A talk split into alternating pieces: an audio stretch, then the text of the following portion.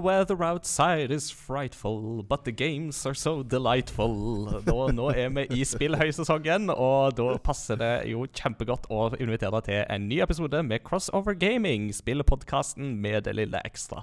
Hjertelig velkommen skal dere være, enten det er første gang eller 29. gang. Dette er episode 29. Mitt navn er Ingar Takanobu Hauge. Jeg sitter da i Oslo og tar det opp eh, her. Eh, I Kristiansand, ifra sin Batcave, så sitter min cohost Mats Jakob Nesmann. God dag, god dag. Thank og eh, og så er det jo sånn at eh, kunne ikke være med oss i dag, dessverre. For han er på turné med eh, med bibelskolen, der som han jobber. Så han er en eller annen plass ute i Hutiheita. Jeg vet ikke helt hvor han er. Men jeg slipper heldigvis å være alene, for eh, her i studio i Oslo så har jeg fått med meg eh, en masterstudent ved Fjellhaug internasjonale høgskole. Vi har drøsa i gangene og sånt de siste fem årene, og da fant jeg ut at ei, han kan være med og snakke med oss i denne episoden her, for han liker gaming, og han liker dagens tema. Nice. Mine damer og herrer, ta godt imot Joakim Andreassen. Velkommen skal du være, Joakim. Jo, takk. Ja, Vil du bare fortelle oss eh, litt eh, kort hvem du er, og ja? Ja, ja jeg går jo her på Fjellhaug, og har jo blitt kjent med, med deg gjennom uh, felles interesser som spill, og spesielt Star Wars. Ja. Uh, ja, jeg er nettopp blitt 30, har to barn, Ja. to jenter, og, uh, og en kone. Og en kone. Ja.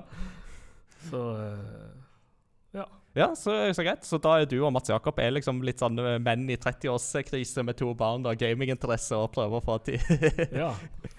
Dere to kan uh, exchange notes etterpå. Og uh, Kanskje dere skal begynne en egen uh, spillpodkast, dere to? Bare sånn pappaspillpodkasten? ja.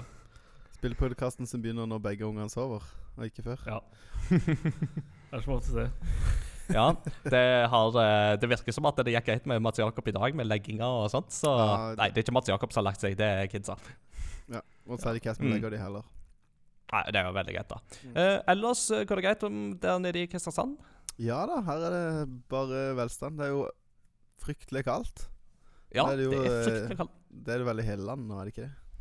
Det er det. Det har ikke snødd i skrivende stund, eller snakkende stund, eh, rettere sagt. Oh. Men uh, innen denne podkasten er ute på mandag, så skal det nok ha snødd litt. Men vet du hva? Jeg tror ikke folk kommer til å bry seg, for i morgen uh, så kommer Death Stranding ut. Mm. Så jeg vil si at uh, når folk hører på denne podkasten, så har de forhåpentligvis spilt en hel helg med Death Stranding, og da passer det veldig godt med snøstorm ute.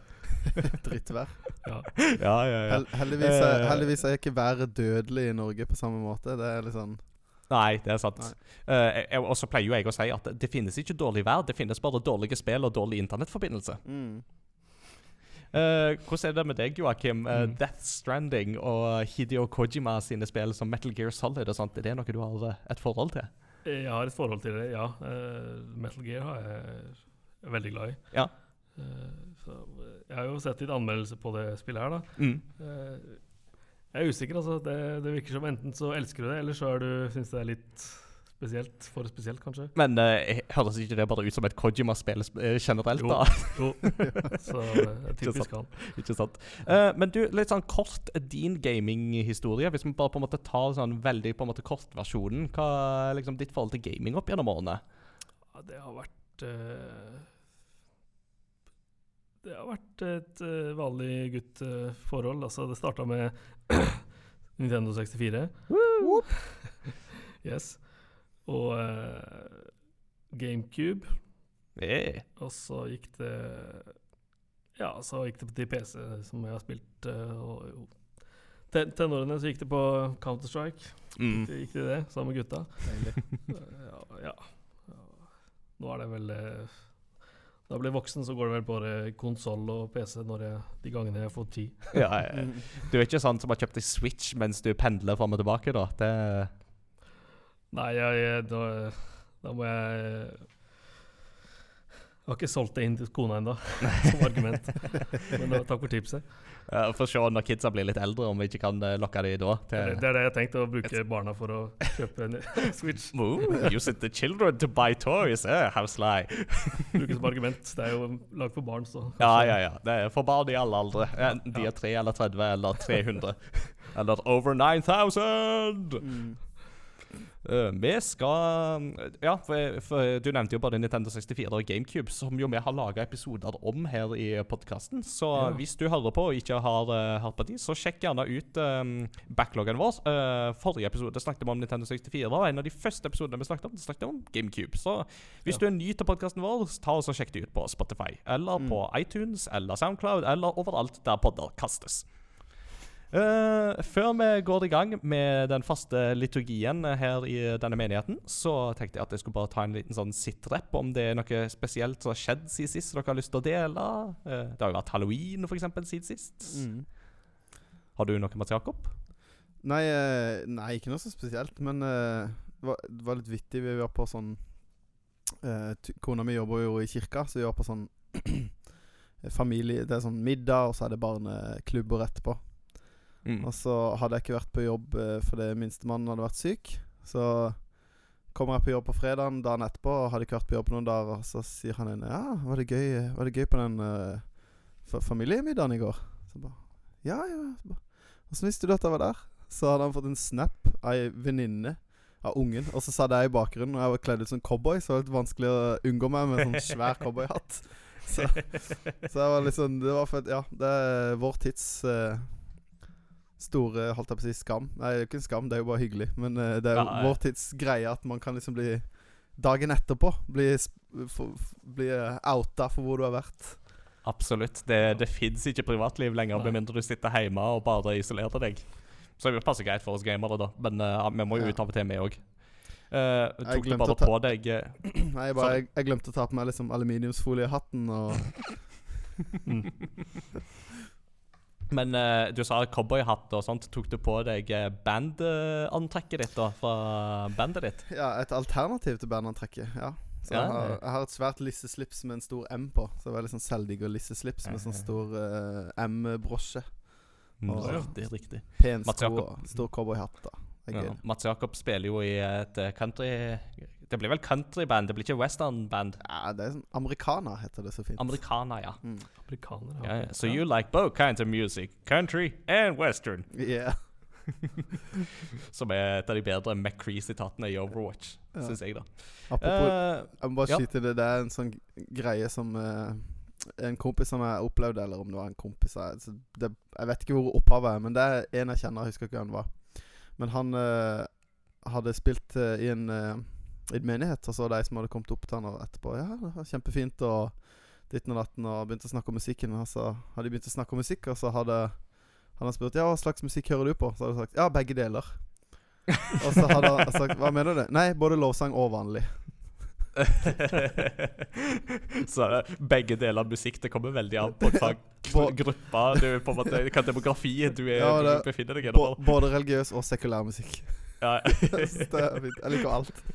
Ja, det er fint, Uh, vi hadde jo eh, halloween-party for første gang hjemme hos oss, Anja og meg. Mm, Eh, så det ble litt sånn på sparket, på en måte, så vi fikk ikke planlagt det sånn veldig. Men vi fikk jo skåret ut gresskar eh, for første gang. Det var, Eller jeg gjorde det for første gang. Det var veldig gøy. Eh, det var ikke alle gjestene som stilte i kostyme, men eh, de prøvde nå iallfall. Så noen av de. Eh, men da var det mm, min eh, fetter Eirik som uh, uh, Han som skrev den fantastiske rapporten som vi snakket om i forrige episode. Helt nydelig. Uh, ja. Men han, han sa jo da at Du, det er halloween, så jeg har lyst til å gjøre noe kjempeskummelt. Kan vi ikke spille Virtual Boy? så da var det bare én ting å gjøre. Da var det bare å hente fram Virtual Boy, denne 3D-saken som Nintendo lagde på 90-tallet. Som du da må montere oppå et stativ på et bord, og så må du sitte og se inn i sånne 3D-goggles oh, ja. oppå bordet der. Og så er det sånn svart-rød 3D-grafikk. Ja. Så det er jo sånn, du får jo blodskutte øyne og kink i nakken av uh, dette her, vet du. Det er helt forferdelige greier. Ja. Det har jeg aldri prøvd, men jeg har sett, sett det på Ja. Nei, men det var gøy å dra den fram og så spille litt um, uh, Marios Tennis, som er det første uh, spillet i Mario Tennis-serien. Det var jo på Virtual Boy. Mm, det Så det var artig. ja. Men uh, etterpå det så fyrte vi opp Luigi's Mansion på kasse-TV-en. Det var veldig oh, gøy. Deilig. Det var, det var skikkelig smooth, altså. Ja, du har fått RGB-kabler? Ja, jeg har fått RGB-kabel til oh. GameCube og Super Nintendo, og det er å, oh, det er så crisp. Det er Folkens, RGB eh, Jeg husker ikke hva de heter. Disse Retro Cables UK. Retro Eh. Gaming Cable, tror jeg det heter. Retro Gaming Cable, ja. De Mm. leverer fantastiske kabler til retroutstyr, så de er varmt anbefalt fra min side, altså. Mm, ja, min òg. Jeg har til Mm. fem konsoller. Ja, oh, skal jeg si. Ja. Du kan spille på HD-TV, eller? Nei, uh, hvis du har skartinngang på HD-TV-en din, så kan du bruke det. Uh, ja. Ja, men det er jo de, Altså, de moderne TV-ene klarer ikke å håndtere det signalet. Så best, best, aller beste måten du kan spille retrokonsoller på en HD-TV, er jo enten å kjøpe en av disse nye FPGA-konsollene, som eh, f.eks. Analog lager. Mm, Analog er Eller å kjøpe en Framemeister, som er en sånn eh, oppskalerer. Det er vel den beste, men den koster 2500 kroner. Mm. Eh, sånn at det er liksom Det er superdyrt. Eh, men da bør du Da bør du jo likevel ha RGB-kabler for å få det beste signalet til Framemeisteren. Så det er liksom Det er Mm. nesten like billig å bare ellers- få en Eller så kan du gjøre sånn som jeg har endt opp med å gjøre, og skaffe meg en god gammel kasse-TV. Eh, så, sånn, Ja. Som veier sånn 40 kilo. Eh, men, det eh, det, det er veldig gøy å ha, faktisk. Så, Ja. så vi har to TV-er i stua. Mm. så that's how we roll. Jeg har to TV-er her bak meg. En der og Ja. en der. Ja, Og det er ikke i stua engang. Nei, dette er rommet, rommet mitt. Ja, ja, ja. Smooth greier. Da har vi tatt en uh, liten recap. Skal vi gå i gang med den faste liturgien og høre fra lytterne? Det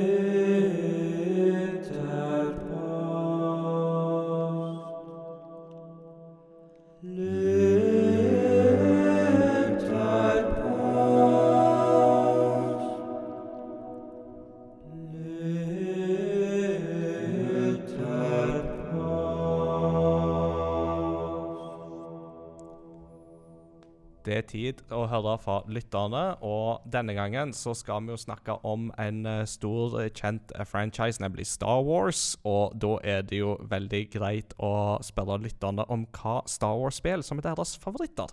Og vi har òg da bedt lytterne om å dele et favorittminne fra disse spillene. Jeg kan ta en liten her ifra Kjetil Austad Endal først, som jeg har fått på um, Messenger. Uh, og så kan vi lese opp litt sånn i tur og orden fra uh, lytterposten. Ja. Hvis du hører på for første gang og aldri har uh, vært med på dette før, uh, gå inn på Facebook og lik Crossover Gaming sin side, så kan du være med og svare på lytterpostene, du òg. Um, og Kjetil Austad Endal han har da skrevet at hans favorittspill det tror jeg må bli Jedi Knight 2, Jedi Outcast. Jeg husker jeg da jeg husker da jeg spilte det første gang. Det var et OK spill. Eh, nei, unnskyld. Det var et OK FPS, men jeg ble ikke særlig fengslet og la det raskt fra meg. Så, flere år senere, fortalte noen meg om at man fikk lightsaber og force powers i spillet, og jeg bare Hæ?!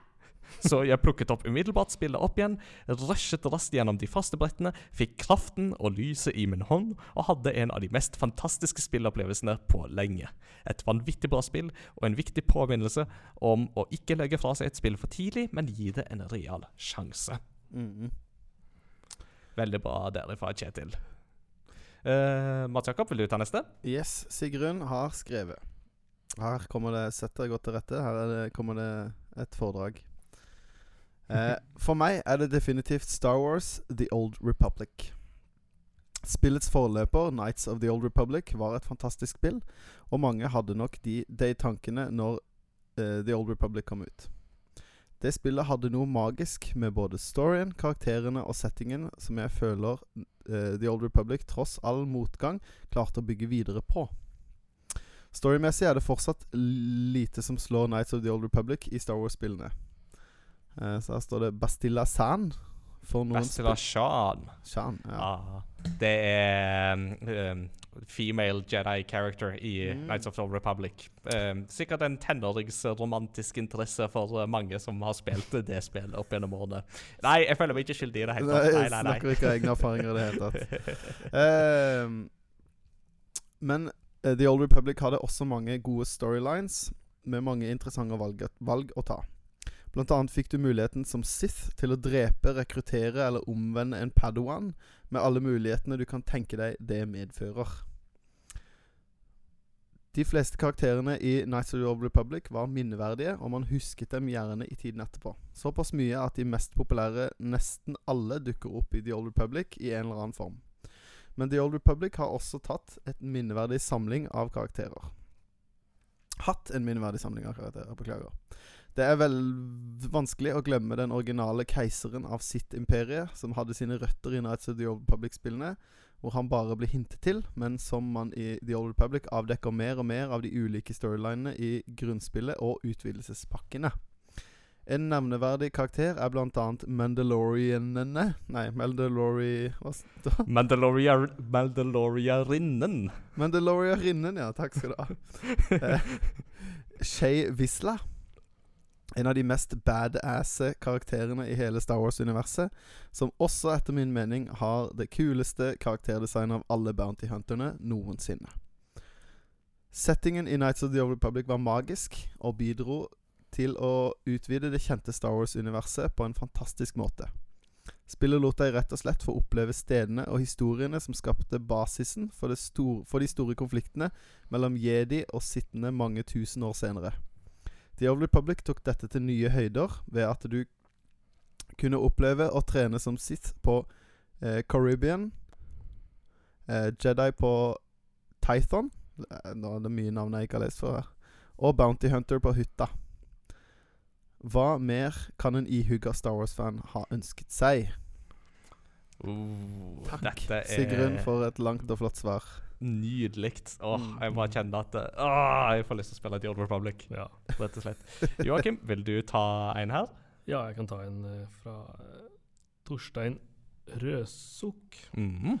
Har ikke spilt så voldsomt mange Star Wars-spill, men tror nok det jeg har mest gode minner med, er Star Wars Rogue Squadron 2, som var en launch-tittel til GameCube som broren min kjøpte når konsollen kom ut. Det var mind-blowing, husker jeg. Ja. Det testa jeg i butikk da det kom ut, og det var sånn åh, minds were blown. Ja, Mm. jeg syns Rogue Squadron-serien er eh, sinnssykt bra, som jeg har Mm. spilt eh, masse av, så Oh yes. måtte nevne Kjempebra. den. Sånn mm. Gode, gamle, trofaste Martin har Martin, ja. skrevet følgende Nights of the Old Republic er helt legendarisk, men jeg hadde aldri bra nok PC til å kjøre det ordentlig. Sad Mm. Mine beste minner med Star Wars-spill er derfor med min medsammensvorne Force Brother Tormod, da vi tok annethvert game på Battlefront 2004 på vår eldgamle HP-PC med maks 50 megabyte ram. Vi ble begge dyttet opp i Star Wars-gryten som barn av vår far, som i sin tid så de første filmene på kino typ fem ganger per film. Ja, han har utallige ganger sagt til oss I am your father. Favorittbanen i Battlefront var definitivt de- desidert Camino. og går rundt som infantry clone soldier i stormregnet og mate Cars pl proppfulle av maskinblasterskudd. Gamet ble for øvrig skikkelig steppa opp når vi fikk Battlefront 2 på PC, PS2 og kunne spille samtidig. Enten mot eller med hverandre, for der var nemlig Space Fights! Å, det var awesome! Å kunne solo carry hele The Rebellion med min X-Wing og blaste ned Darth Vader i sin TIE Advanced 1 X1 og knuse The Empire føltes rett og slett episk. Ikke minst å gå bananas som Yoda i hero mode og være fullstendig overpowered. Battlefront-spillene var også min læremester i Star Wars-kunnskap, og gjør at jeg kan forskjellen på Y-Wing og B-Wing, 8080 og 80ST, Mustafa og Jevin. Gleder meg naturlig nok som en unge til Jedi Fallen Order og The Rise of Skywalker. Yes! Jeg kunne ikke vært mer enig, Martin. Det Jeg hadde samme greiene med Rogue Squadron. var jo Ja. det spillet som lærte meg forskjellen på Y-Wing og B-Wing og Ja. planeter Mm, og hele pakka, så Yes. Yes, Espen Tveit. Nå har jeg faktisk ikke så mye erfaring med Star Wars-spill. Men favoritten må vel være Star Wars Jedi Knight 2, Jedi Outcast. Må nok også nevne ulike versjoner av Lego Star Wars, som alltid er moro å spille. Lego Star Wars. Åh, det, det er kos. Mm. Det er jo noe du kan spille med ungene dine. Ja, det, Det er jo et nytt uh, på vei til neste år. Eh, et, Er det sånt, det? Ja, et sånt samlespill som tar med seg litt av Force Awakens og ja. Last Jedi og Rise of Skywalker-materiale. Så ja, for de lagde jo et eh, samlespill for lenge siden. ja, de- og, og nå kommer det på en måte et nytt et som òg tar med seg nyere materiale òg. ja, Så ja. Kult. Fett. Skal jeg lese en til her? Eh, Ja. Espen Fredheim Johannessen. Kotor er utrolig kult. Spilte det på Xbox med bulky control. Good times. nice. Skal vi se Da er det godeste, gode gamle Åsmund. Svikter aldri. Han har en uh, kommentarstreak nå, som det synger etter. Uh, og han skriver Blir nok Nights of the Old Republic på topp. Har også gjennomført Jedi Academy titalls ganger. Ikke verst. Andreas Ruud, eh, mener jeg nevnte dette da jeg var gjest hos dere tidligere. Hasht, eh, parentes snikskryt. Men Jedi Outcast er nok min favoritt. Ikke bare fordi jeg fikk spille Ikke bare fordi jeg spilte det masse da det kom, men det å spille demo av et spill så til de døde som jeg gjorde back then. The joy Ja, the joy. Altså knust, altså knust The skjerm at bokstavene blir litt sånn endra. Kotor er en veldig bra nummer to. Ja. Jeg, jeg, jeg likte innlevelsen din på The Joy. Ja, jeg bare skulle til å si Jeg trodde det sto 'The joy of Ko-" Jeg trodde det var én setning. Jeg så ikke utropstegn pga. en sprekk i skjermen. Du gjør en solid innsats, Mats Jakob. Det skal du ha. Dysleksi er- og sprekt skjerm. Jeg skal ha for høytlesinger. Det Oh yes, ikke tvil om det, folkens. Det er If Mats Jakob can, guys, so can you. Oh, yes. Skal vi se, det er, det er mange som nevner uh, Kotor. Ja. Eh, Truls Ivar Ulseth, tok vi han? Nei, du kan ta hans. Kotor husker jeg brukte opp alt jeg hadde av eh, DM damage og heal items mot Malak i første playthrough. Var tydeligvis ikke spekka for den fighten. Nei, det, det Det var siste bossen, var det ikke det? Eh. Jo. Siste. Skal vi se Hvor er vi da? Johannes Lunde han skriver òg Nights of the Old Republic uten tvil. Første spillet jeg hadde prøvd der valg hadde konsekvenser. Evig replayability-faktor. Nice. Uh, er det noen må- Jeg har ikke helt kontroll, jeg. Er det uh, vil du ta Andreas Vatnedalen Andersen sitt? Yes. Lego Star Wars The Video Game. I couch co-op med Friendly Fire på. Mouthful. Alltid like morsomt. Og Ja. tilfeldigvis knuse medspilleren i småbiter, for så å samle alle legomyntene til seg selv. Åh, det er så kos med spill der du kan gjøre sånn. Uh, Rayman Legends har jo litt av den samme greia òg, der du kan drive på Ja. jule hverandre opp hele tida Mm. i menyene og sånt. Eh, men òg ute på banene. Så bare plutselig så bare slår de ut, og så Ja. detter de ned. Men det er vel eh, gjestens ære å ta trønderdialekt, eller tør du, Om jeg tør Ja, nei. Tenker du på Peter Løkjell? Hvis, hvis, du, hvis du tar Eirik sitt svar, så kan jeg ta Peter sin. Ja, Eirik, skal vi se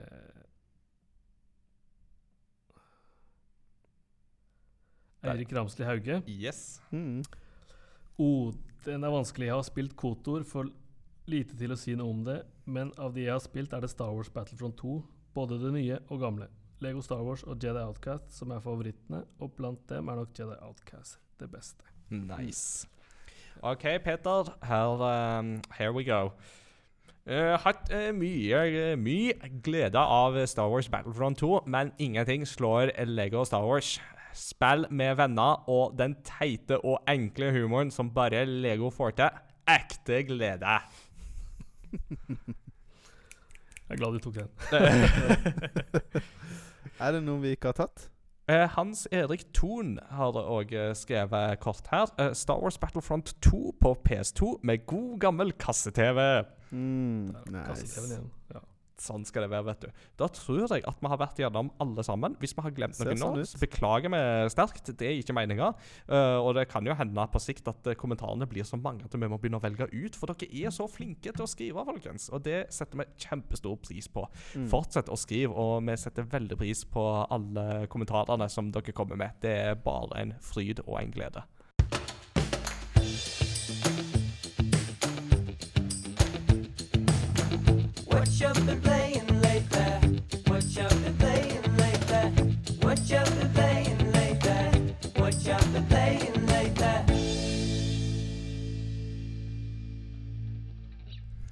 Jeg, jeg, må jo spørre midt oppi dette her, Joakim. Har du hørt noe særlig på denne podkasten før? Eh, Nei, jeg hørte på Da jeg ble spurt om jeg var gjest, hørte jeg litt på eh, en episode Ja. mens vi drev og La barn, selvfølgelig. Så jeg fikk med meg eh, starten og litt, litt, litt av det, men eh, jeg syns det virket uh, Ja. spennende. Ja, så det er liksom Disse jinglene er jo Ja. litt gøy å få en uh, live reaksjon på her. Hvis det er liksom første gang du hører de, så er Ja, det jeg må si jeg er imponert. altså Det er skikkelig proft. Ja, og det er heimelaga alt sammen. Ja, det er det som er, er Christian har laga litt, og Mats Jakob har laga litt, og jeg har ikke laga noe ennå. Men uh, eh, kanskje det kommer på et tidspunkt. Ja. Vi får se. Det må komme. Ja, det må nesten komme. Jeg må bare eh, få inspirasjonen. Jeg må få ånden over meg. Mm. Uh, vi skal snakke om hva vi har spilt siden sist. Uh, og da har vi jo som regel uh, Eller da har vi jo som skikk og bruk at vi lar gjesten få komme Mm. først ut. Så Joakim Siden sist er jo et veldig vidt begrep for deg nå, Ja. så da kan du jo velge hvor langt tilbake i Ja. tid du vil gå. Nei, jeg kan, jeg kan jo ta det i det siste, da, så Det går ikke så mange nye spill, egentlig. Det har gått litt i uh, uh, World of Warcraft, faktisk. Har jeg uh, prøvd litt på Ja. nytt. Og Classics Mm. må jeg jo teste ut. Gammel nostalgi. Det kjente spillet Vuv, som Christian uh, kaller det. Ja. Vuv. Vuv. ja. Vuv, ja. Ja, så det, det har jeg spilt. Stas. Åssen level er du i? Eh, Jeg tror level eh, syv, bare. Ja. Warrior. Nice. Så, eh, og så har jeg prøvd et spill, eller begynt å spille et spill, eh, Factorio, på Steam. Oh, Mm. fortell. Ja, det Har du ikke prøvd det? Jeg tror jeg har hørt om Lars- det, og jeg mener at eh, var det Lars ikke Hugo han, eh, snakka om det. Ja, han gjorde jo det. Han Mm. snakka jo om det i episode 11 eller 12, eller hvor tid det var da han var gjest. Eh, men fortell litt. Ja, det er jo Du, du blir, du blir hekta med en gang. Det er sånn uh, Litt Minecraft i litt 2D. Det handler om å bygge resource, eller mine resource, resource, og så eh, det om til metaller, og så bygge maskiner som til slutt Poenget er å få alt, at alt, eh, alt automatiserer seg, da. Så du får eh, store fabrikker til slutt, da. Og ja, det er veldig Tiden flyr, plutselig. ja. Det, det er jo et kjempegodt kvalitetstegn. At Ja. tida flyr, det er jo ingen altså, Det er jo beste kvalitetstegnet på alt, egentlig. Mm. Jeg tror det er på uh, topp tre på Steam over beste reviews. Oi! Oi. Noe sånt. Overwhelmingly positive. Sånn. Overwhelmingly positive, faktisk. Men uh, er, det er litt sånn innslag Eller sånn Mitt inntrykk er at det er litt sånn blanding av litt sånn RTS og SimCity og litt sånn Eller Transport Ja. Tycoon og alle disse her uh, Sim-spillene. Ja, i hvert fall i grafikken så er det jo, ser det jo sånn ut, da. Ja. Uh, så det, det Men det er liksom bare du da som går rundt der og automatiserer alt og bygger din egen fabrikk, og så blir du angrepet litt av noe sånn herre Ligner på Zergs fra eh, Star Wars, nei, Starcraft. Starcraft. Ja. Som du også må bygge maskiner for å holde holde i sjakk. Så Ja, nei, det er eh, Det, det kan virkelig anbefales, altså. Ja, Kult. Factorio var det det, fins, altså. så vidt jeg vet, en demo av det, så du kan teste det. Åh, det er alltid bra. Ja. Demo, demoversjoner, det, det er undervurdert, altså. Ja, Men ja. eh, det, de begynner å bli stadig flinkere på, på å ha mer av det. Eh, jeg har jo merka at særlig på Switch så er veldig mye demoer og sånn tilgjengelig etter hvert. Eh, og det, Mm. det syns jeg er en bra ting, altså. For det, det gir jo folk en, et godt insentiv til å teste. Mm. Og aller best er det jo når du kan teste en demo, og så eventuelt ta med deg eh, progresjonen videre til fullversjonen, hvis Mm. du ender med å kjøpe det. Det, det, det, da, da begynner vi å snakke. Ja. Det beste var jo i gamle dager når det fulgte med demo på blader som man kjøpte på PlayStation. Så det er det komplettblader Ja, ja. og sånt. se. Demodisker. Åh, Ja. jeg spilte Meg og naboen min spilte uh, Tomb Raider på demodisk. Ja. Og vi spilte Skjønte jo ingenting. Jeg hadde jo aldri spilt et spill med tank controls før. Sånn ikke 3D, men ikke 3D. Det er jo helt sånn Det er jo Det er så rart å gå tilbake til nå. Og vi spilte og spilte og spilte og skjønte ikke hvordan vi kom oss videre. Vi var jo elendig i engelsk. Og så spilte vi hadde sikkert spilt i flere uker før vi skjønte at vi drev bare og spilte tutorialen. Hvor du liksom løper rundt huset og klatrer i sånn kartstativer og sånn. Vi trodde liksom vi måtte klare det. Vi brukte ukevis på å få til den hinderløypa som er liksom rundt mansionet til Lara Croft. Stemmer det, ja. Så Ja. Før vi skjønte at vi måtte bla i den boka. da. For å gå til liksom gameplayet, ikke bare ja. Ah, Those were the days, hæ? Ja, ja. ja. Uh, those were not the days. Vi kan bli litt nostalgiske av og til, men uh, som Mats Jakob sier, Det her, det er veldig, veldig tungt å gå tilbake til. ja, det er grusomt. Uh, så Factorio og World of Warcraft Classic. Er det noe annet du eventuelt vil uh, dele med publikum, som du har uh, vært borti i det siste? Nei Det har liksom Det er liksom ikke så mye jeg har hatt tid til å spille, egentlig. Nei, Så det er liksom mas masterskriving og uh, torband, det, det tar tid. Så. tar tida. Så det, Ja. Nei, men uh, takk, for, uh, takk for gode innspill. Uh, Ja. Mats Jakob, hva har du spilt siden sist? Det har ikke spilt uh, skrekkelig mye, men uh, jeg har spilt Luigi's Mansion 3. Og skrekkelig og oh. uh, Luigi's Mansion. Uh, ja, ja, I, I see the pun you did there. Yeah. Eh, nei, det er fryktelig gøy. Jeg, jeg spilte ikke Luigi's Mansion 2, Nei. så jeg har bare spilt én og nå tre. Eh, og jeg syns at eh, For jeg kommer kanskje en tredjedel av etasjene, iallfall. Jeg vet jo ikke hvor langt spillet egentlig er, men eh, du åpner Storyen er jo at du blir lurt til et hotell. Du blir lurt på et luksushotell som viser seg å være et spøkelseshotell. Mm. Eh, hvor da For å komme deg rundt i hotellet, så må du ta heisen. Og spøkelsene har stjålet alle knappene. Så du må finne spøkelsene og fange de og få en ny heisknapp som gjør da at du kommer til en nytt, ny etasje. Mm. Eh, som jeg syns er et veldig sånn eh, Det er jo ikke noe nytt konsept. på en måte At du kommer videre til en, en ny del av verden når du klarer en boss, men Men eh, det er Det er akkurat sånn det skal være. På En måte En, ny, en litt artig vri på På eh, liksom en tradisjonsrik formel, da. Absolutt. Mm. Absolutt. Um, og eh, jeg syns det jeg liker veldig godt til nå, er spesielt sånn i min situasjon, og sånn som eh, Joakim også er, i at det er Jeg har ikke kjempe Jeg har ikke mange timer å sitte og spille i strekk. Så Nei. passer det meg veldig fint at de etasjene, eller levelene, eller hva du kan kalle det, de er ikke sånn kjempestore. Nei. Sånn at du kan fint liksom eh, Iallfall de første sju-åtte jeg har vært gjennom nå, kan liksom fise fort gjennom på en time, halvannen hvis du virkelig vil, da. Noen er jo Mm. litt mer, men jeg er jo litt sånn Jeg må innom alle kriker og kroker. Ja. Og finne alle eh, pengene, og finne alle, alle gemsene, og det er litt sånn Jeg blir sånn unlockable Jeg blir sånn der collectathon Du blir sånn eh, completionist. Åh, ja, og så Ja, og så får du ikke helt til heller. Så det er, så, det er så frustrerende å dra fra et nivå og mangle én sånn Hvor mange er det? Seks gems du skal finne i hver. Så jeg liksom mangler jeg én og bare går og leter og leter. Og bare, ah, nå må jeg videre. Eh, jeg har jo litt den samme problemstillinga, men jeg har konkludert med at mitt problem i Luigi's Mansion 3 er litt annerledes. For at eh, jeg går rundt og støvsuger absolutt alt som kan støvsuges. Jeg lurer på om det er rett og slett fordi at jeg er så ordensmenneske så til de grader at jeg kan ikke la dette hotellet være så støvete. De spøkelsene, de rydder jo aldri! Nei, de rydder ingenting. Det er, Noen rotekopper. ja, jeg gjør litt det samme. Og, altså, Men, eh, og ja. hvordan kan et spøkelse røyte så masse og støve så masse? Det er liksom det store metafysiske spørsmålet her, altså. Det Ja. Nei, Nei, det er veldig rart. Men uh, det er jo litt sånn Jeg syns Jeg elsker jo Lu- Luigi's Mansion 1. Spilte det var det første spillet jeg kjøpte til GameCube. Mm. Ble jo kjempeskuffa når jeg var runda det etter bare noen timer. Uh, og jeg føler på en måte at her Dette er liksom vi- Dette er virkelig oppfølgeren jeg ville ha til Luigi's Mansion. da Ja. Eh, og jeg droppa Luigi's Mansion 2 fordi mange sa at de følte det var liksom ikke helt De fikk ikke helt samme følelsen. Og at du på en måte går fra mansion til mansion i det spillet, og ikke liksom er på ett sted.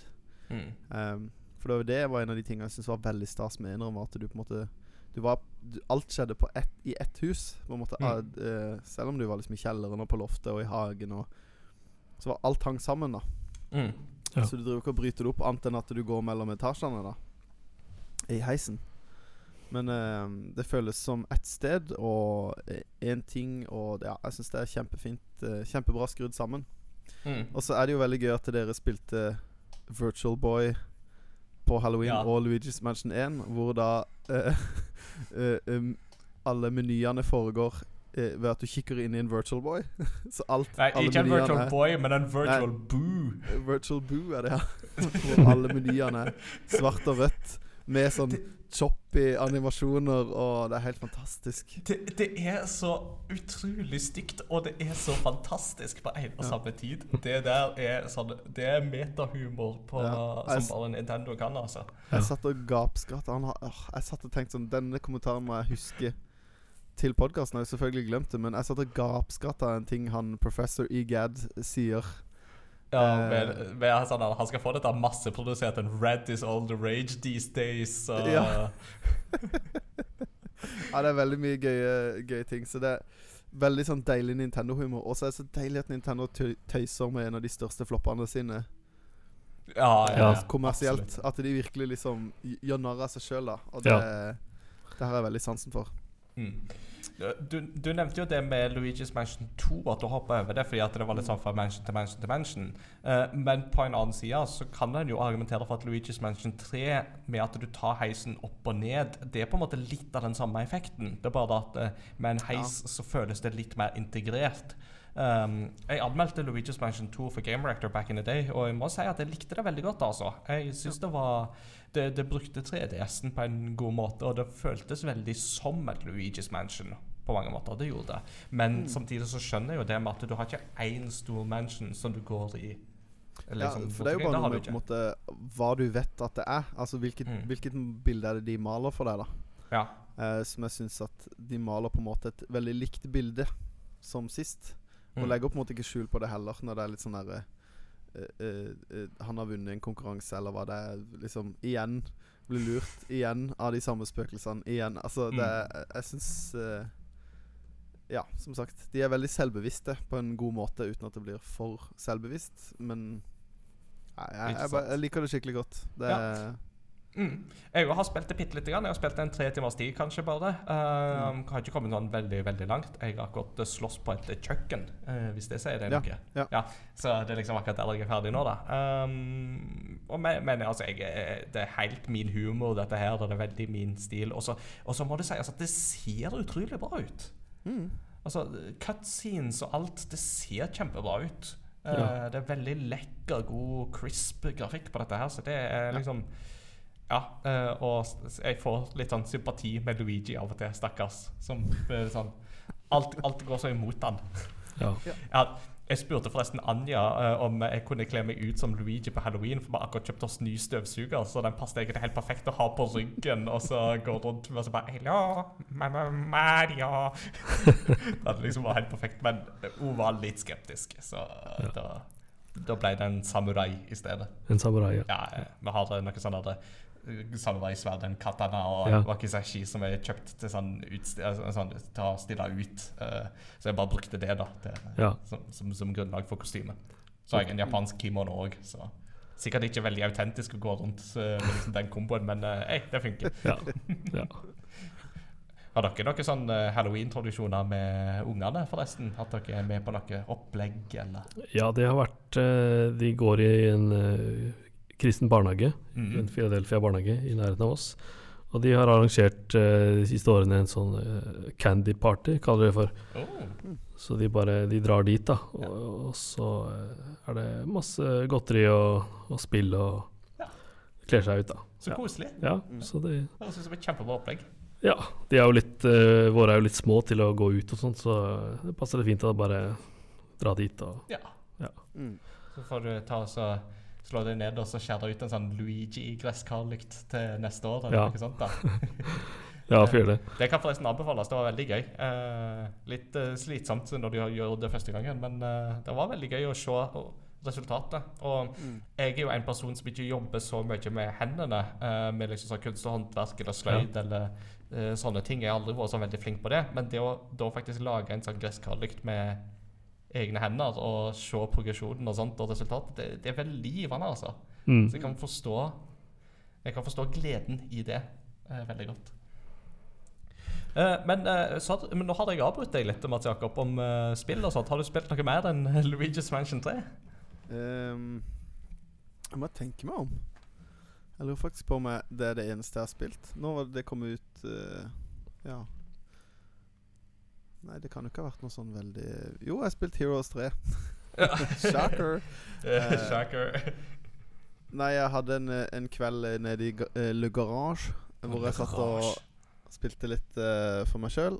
Mm. Nei, jeg spilte sammen med en kompis, og så måtte han dra I garasjen? tidlig. Ja, jeg har bygd garasjen om til, til trommerom. Ja, ok. Ja. Og det er sånn semistudioet hans, så hver gang han sitter der og tar det opp, så sitter, har vi alltid tradisjon for at han sitter i Le Garage. Ok.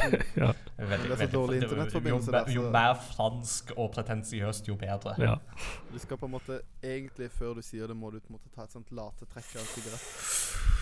Le Garage. Le Garage. Mm. Le Sange c'est la branche. Men uh, Nei, så da satt jeg og spilte Heroes 3, og så uh, spilte jeg en del av på en måte campaignen, Ja. som jeg ikke har spilt før. Uh, jeg har ikke spilt all campaignen, for jeg syns jo det er spillet er gøyest å spille multiplayer sammen med noen i samme Mm. rom, gjerne ved Mm. siden av hverandre på én PC. Oh. Eh, og eh, så jeg spilte alene, så er det så himla mye story. Så jeg bare klikka meg gjennom, og så begynte jeg å spille og kom ganske langt. Um, og holdt på ditten og datten. Og så hadde jeg en hero som bare sto i en borg, som ofte gjør når jeg på en måte ikke loader han opp med units og skal gjøre han sterk. Mm. Og så plutselig så kom det en, en, eh, en fiende hero fra ut av intet. Oi. Angrep borga mi. Jeg tapte jo lett. Og så var game over, for da var det sånn Ah, den heroen kunne ikke dø. Å nei. Så var det sånn ah, Spilt i tre timer, og så bare var jeg liksom Jeg var så sykt på et raid mot liksom Ja, nei, det var dødsirriterende. Så da var det bare å slå av alle lys og gå og legge seg. så det Det var litt sånn Ja. Det, jeg ble tv- det var sånn tvungen rage quit. Ja. Quit rage. oh, Jeg føler med deg. Det det er bud, altså. Mm. Uh, Dark Souls kan ta seg en bolle. Det det er den der originale vanskelighetsgraden. ja. Det og Megamann. Ja, det er Omegaman. Ja. Ja. eh, Luigi's Mansion har vi allerede snakka om, så det trenger jeg ikke å si så mye mer om. Jeg syns du oppsummerte det veldig bra. Um, men jeg har spilt to andre spill eh, i det siste òg, som er veldig nye og store. Og de kom ut samme dag, faktisk, så det er litt sånn gøy. Um, jeg kan ta det minste først. Jeg har for første gang på ti år så tror jeg det må være plukka opp et Call of Duty-spill. ja. Uh, jeg har plukka opp uh, Call of Duty Modern Warfare, som det jo da bare heter denne gangen òg. Det er Infinity Ward som lager det denne gangen òg. Men eh, vi må jo huske at Infinity Ward nå er ikke de samme som Infinity Ward som skapte Modern Warfare back in the day. For de har jo gått ut og laga et nytt studio som heter Respawn Entertainment, som lager Titanfall og Ja. Apex Legends. Mm. Så de som er Infinity Ward nå, er en helt annen gjeng. Eh, men det som er litt sånn eh, Men eh, jeg, jeg, jeg kikka liksom litt på Game Reactor sin anmeldelse, og jeg var sånn OK, greit, de, de skryter liksom litt av storyen og sånt her, og jeg er jo en person som liker å spille storydrevne FPS-spill. Det syns jeg er bra, sånn som Wolfenstein og Bioshock og Mm. eh, de spillene der syns jeg er veldig bra. Så da, jeg ga det en sjanse, jeg har plukka det opp, og så har jeg spilt det på PC-en. Um, det første som slo meg, var egentlig det at fargeskaleringa uh, merka jeg på en måte ikke var sånn veldig god. Det er noe som jeg har på en måte bitt meg merke i helt siden jeg oppgraderte PC i august. At spillene ser alltid litt sånn kornete ut og ikke så finpolert ut som de burde. Så da måtte jeg spørre kona om jeg kunne kjøpe en ny skjerm. Eh, så det fikk jeg lov til. Uh, så nå har jeg kjøpt ny PC-skjerm. Snill kone du har. Ja, veldig snill kone. I married good. Eh, men uh, Modern Warfare ser lov, ja, men, aldri men, fått men, lov å men kjøpe skal, ny skjerm fordi at det, ja, det ser litt kornete ut. ja. penger på ny skjerm? Kan jeg få lov å Eh, bru- nei. kan jeg få lov å bruke 5000-6000 på ny PC-skjerm? Det ser litt sånn. Nei, men jeg kan, jeg, jeg kan jo bare si at uh, det, det som er greit, er jo det at så lenge jeg skriver for Game Reactor, så er det jo veldig viktig at jeg har bra utstyr, sånn at spillene får bli presentert på best mulig måte. Sånn at jeg kan på en måte se spillene the way they're meant to be played. Eh, Så det, det, det, det har litt meritt, da. Pluss at hun fikk jo den andre Den skjermen jeg hadde hatt før, som sin sekundærskjerm. Og så kan vi bytte ut den som hun har hatt som sekundærskjerm, og selge den. Så eh, everybody's happy Ja. basically. Men Call of Duty er et spill der det er verdt å få det til å se bra ut. For Call of, her har de jo bygd en ny engine. Eh, de har vel brukt en fem års tid, tror jeg, på å på en måte bygge bygge dette her opp i, på en måte, eh, fra bunnen av og på en måte bygge en skikkelig ny, god motor. Og det synes altså. Det ser veldig, veldig bra ut. Mm.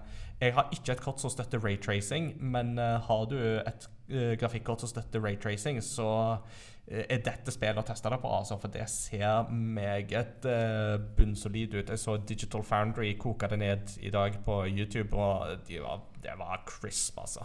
Men på den PC-en som jeg har òg, så ser det veldig veldig bra ut. Eh, nydelige animasjoner. Uh, Gun-mekanikken føles veldig veldig bra, absolutt. Eh, men nå har jeg kun testa singleplayer-delen. Jeg har ikke fått testa det i multiplayer ennå. Det tenkte jeg å gjøre nå til helga litt mer. Eh, men storyen er ikke så god som det jeg hadde håpet den skulle være. Det, det er den ikke. Den har noen høydepunkter her og der. Det er jo moderne krigføring det går på, så det er jo terrorister eh, og, som angriper Begynner jo med et terrorangrep på London. Det er liksom det det begynner med. Så det er ganske rett på sak. Ja. Um, og det er jo liksom dette her med den moderne krigføringa og hvordan de moralske skillelinjene i moderne krigføring Det er litt sånn Hvor setter du grensa hen? Hvor på en måte uh, trekker man på en måte linja i sanden her? Uh, Ja. og, og problemet er at eh, de prøver å få det til, og noen ganger så klarer de det veldig, veldig bra. Men det er andre ganger der de ikke klarer å få det til i det hele tatt. Og det føles litt for mye som en sånn god gammeldags eh, Call of Duty. Veldig sånn rett på sak og bare skyte alt som ser ut som det rører på seg. Ja. Uh, og det er litt skuffende at de ikke klarer å holde den konsistent. For når de er gode, så er de veldig gode. Um, uten å spoile noe. De, du, du har en flashback-scene som tar deg med 20 år tilbake i tid, som er blant annet veldig bra. Den er intens og heavy og viser krig i grusomme Altså for å si det sånn, det, de- den viser krig så ille som jeg forventer at et Call of Duty-spill kan klare å få det til. Eh, Nå har ikke jeg på en måte de veldig store forhåpningene om at Call of Duty klarer å få det til på et veldig høyt nivå, men de klarer det ganske greit, altså. De gjør det. Vi snakker liksom ikke Spec Ops The Line eller uh, noe, noe sånt liksom av den type dybde. Men eh, for menigmannen så vil jeg si at dette er et eh, godt steg i riktig retning. Ja. Og så klarer de ikke helt å holde den helt konsistent, men uh, når de imponerer, så imponerer de. Uh, absolutt. Det som er litt irriterende, er at uh, filmsekvensene de hakker alltid. Det, det, det går nesten Det er alltid noe sånn choppy, eh, hakkete, stopper litt opp. Lyden blir ikke helt synkronisert, og det skjer liksom uansett. Uh, men jeg er heldigvis ikke den eneste som har hatt det problemet på PC. Uh, Digital Foundry poengterte det de òg, at det var sånn uansett hva de gjorde, så skjedde det. Mm. Så det er veldig tydelig at PC-versjonen sliter på akkurat det der. Uh, og det er jo litt skuffende, egentlig. Eh, men eh, forhåpentligvis så får de fiksa det etter hvert. Mm, mm. Et annet spill som jeg har spilt, som eh, kom ut eh, samme dag, faktisk, som jeg har kost meg langt mer med, det er The Outer Worlds. Eh, Ja. Fett. eh, jeg må jo spørre, Har du noe kjennskap til dette, Joakim? Har du sett noe eller hørt noe om The Outer Worlds? ja, når du nevner det, så f har jeg fant ut at jeg har jo sånne game Xbox Game Pass. Ja, det var det, ja. Og det, det fulgte jo med der. ja Så det, da da er det jo ingenting å bryne seg på. Dette, eh, da, da sier jeg bare kast deg ut i det. det Ja. Begynn på det med en gang. Det er Ja. kjempegøy. Ja, jeg har ikke prøvd ennå, men jeg så de andre, så Ja. ja. Uh, altså, eh, The Outer Worlds er jo dette spillet fra Obsidian Entertainment. Ja. eh, og de reklamerte seg jo i første reklamevideoen med 'From the guys that brought you Fallout'. Eh, og det er jo til en viss grad sant. Det er jo liksom de som lagde Fallout back in the day. Mm. Og de lagde jo Fallout New Vegas, som er på en måte deres på en måte store hit i, i den Fallout-serien. da Personlig så hadde jeg aldri klart å komme helt inn i Fallout-serien. Jeg vet ikke helt hva det skyldes, men det, er liksom, det har liksom alt vært et eller annet som jeg har liksom sagt Ja, det er greit, jeg skjønner at folk liker dette, men jeg kommer ikke helt inn i det. Uh, men uh, The Outer Worlds uh, da, da sitter jeg og liksom tenker at hvis det er denne følelsen folk føler på når de snakker om Fallout, og liksom at det er den gode følelsen, da skjønner jeg de. For The Outer Worlds er kjempegøy. Det er solid uh, gjennomarbeida tvers igjennom. Utrolig gode dialoger og questlines og sånne ting. Eh, det er morsomt, ikke minst. Det er humor helt igjennom som bare er på en måte så Den tiltaler meg veldig, da. Ja. Um, den overordna storyen her er jo det at uh, det, Menneskeheten har dratt til en ny galakse, eller ikke en ny galakse, men et nytt solsystem som heter Halcyon. Um, og du våkner opp på et sånt eh, skip der alle har på en måte vært i eh, sånn kryosøvn. Uh, problemet er bare at ditt skip datt ut av hyperspace, så dere har brukt 70 år på å komme dit. Så dere er liksom 70 år bak alle de andre. Og i løpet av disse 70 årene så har da eh, de store businessene, disse multinasjonale selskapene, eller corporations, de har på en måte overtatt alt. Så hele denne her solsystemet er så totalt incorporated at det er litt sånn Folk kan ikke Altså, hvis du dør, så må du betale bot. Nei. hvis du eh, blir Og det, det er sånn hvis, det, det, det er sånn, Du er på en måte indentured for life. Eh, Altså Du er basically en slave for disse selskapene helt til du dør. Og det er litt sånn Hvis du vil si opp, så må du betale den og den avgiften, men for å betale den avgiften, så må du jobbe først, og du får ikke den jobben før du må betale den avgiften, og så videre. Det er sånn, det er sånn ekstrem byråkrati som bare gjør at folk er bare fanga i dette systemet. I sold my soul to the company store. Ja, det er basically litt sånn, altså. Eh, så blir du vekka opp av um, kryosøvn av en eh, vitenskapsmann som er litt sånn ettersøkt av disse selskapene, eller The Board, som det jo da heter. The Board er jo da en samling av disse selskapene som Det er på en måte deres parlament, da, der de styrer alt. Eh, og han vitenskapsmannen, Phineas Wells, han uh, ønsker jo da å få et litt sånn slutt på dette her. Så han uh, sender deg ned til nærmeste planet, der du skal møte en kaptein. Eh, og så skal dere på en måte finne de materialene dere trenger for å vekke opp alle de andre fra søvnen. Uh, for at dette skipet har liksom vitenskapsmenn, det er ingeniører, det er leger Det har på en måte mange viktige folk da som er nyttige å få vekke opp igjen. Eh, og så er ikke de en del av disse her selskapene, så de vil jo på en måte være en god hjelp for å komme løs. da. Problemet er at eh, når du tar denne her escape-podden ned på planeten og lander der du skal lande, så går du ut av skipet, og så ser du rett ned, og der ser du bare litt blod, og så ser du at Oi, jeg landa visst rett opp på han kapteinen jeg skulle møte. og, da, og så kommer han Phineas på intercomen og bare ah, Kanskje jeg burde på en måte l- dirigert l- bitte litt vekk ifra der signalet han kapteinen kom. Kanskje jeg ikke skulle liksom rett ned. Det var, det var ikke så lurt. Det var ikke så lurt. Uh, men da må du bare prøve ditt beste, så da går du liksom Da overtar du skipet hans, som da heter The Unreliable. Uh, og så må du da prøve å samle deg et crew, og så må dere da kjempe mot establishementet. Eh, det som er litt sånn gøy med hele denne viben her, er jo at det føles som en litt sånn space western med veldig sånn retrofuturisme. Eh, Ikke sant? Altså, alle disse selskapene og klesplaggene, hele på en måte stilen har litt sånn retropreg over seg, samtidig som det er litt sånn futuristisk med romskip og laserpistoler og sånne ting. Og i praksis så føles det veldig som TV-serien Firefly. Oh. Og jeg elsker jo Firefly Ja. mer enn noen annen TV-serie på denne jord. ja, det Eh, er bra. så, og, og, og etter hvert så får du det jo companions, og disse companionsene føles også nesten som om de er snitt rett ut av Firefly. Den første companionen du får deg, er en mekaniker som minner ekstremt om Kayleigh Ja, ja, i. Firefly. Har, har litt den samme sjarmen og litt den der eh, litt den der bondske Eller ikke bondske, men land, det var litt tydelig at hun kommer Ja, litt sånn ja. landet og ikke så vant med på litt den sånn store byen og det fancy schmancy og litt sånn småsjenert og eh, og, men, og når- hun her eh, mekanikeren Pa- Parvati kaller det for captain, så føler jeg meg jo som captain Malcolm Reynolds. Så da er det bare liksom Jeg har så lyst til å bare kjøpe meg en brown coat og et stort sånn cowboybelte som vi bare kan stikke tavlene i og bare si 'shiny'.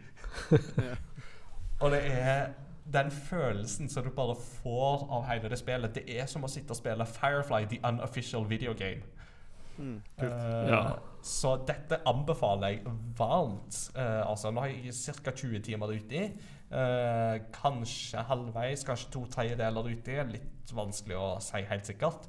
Eh, og det er liksom alle valgene du kan ta og sånne ting òg. Du spikrer veldig din egen historie og sånt. Og hvordan du bygger rollefiguren din òg, styrer jo hvordan spillet blir.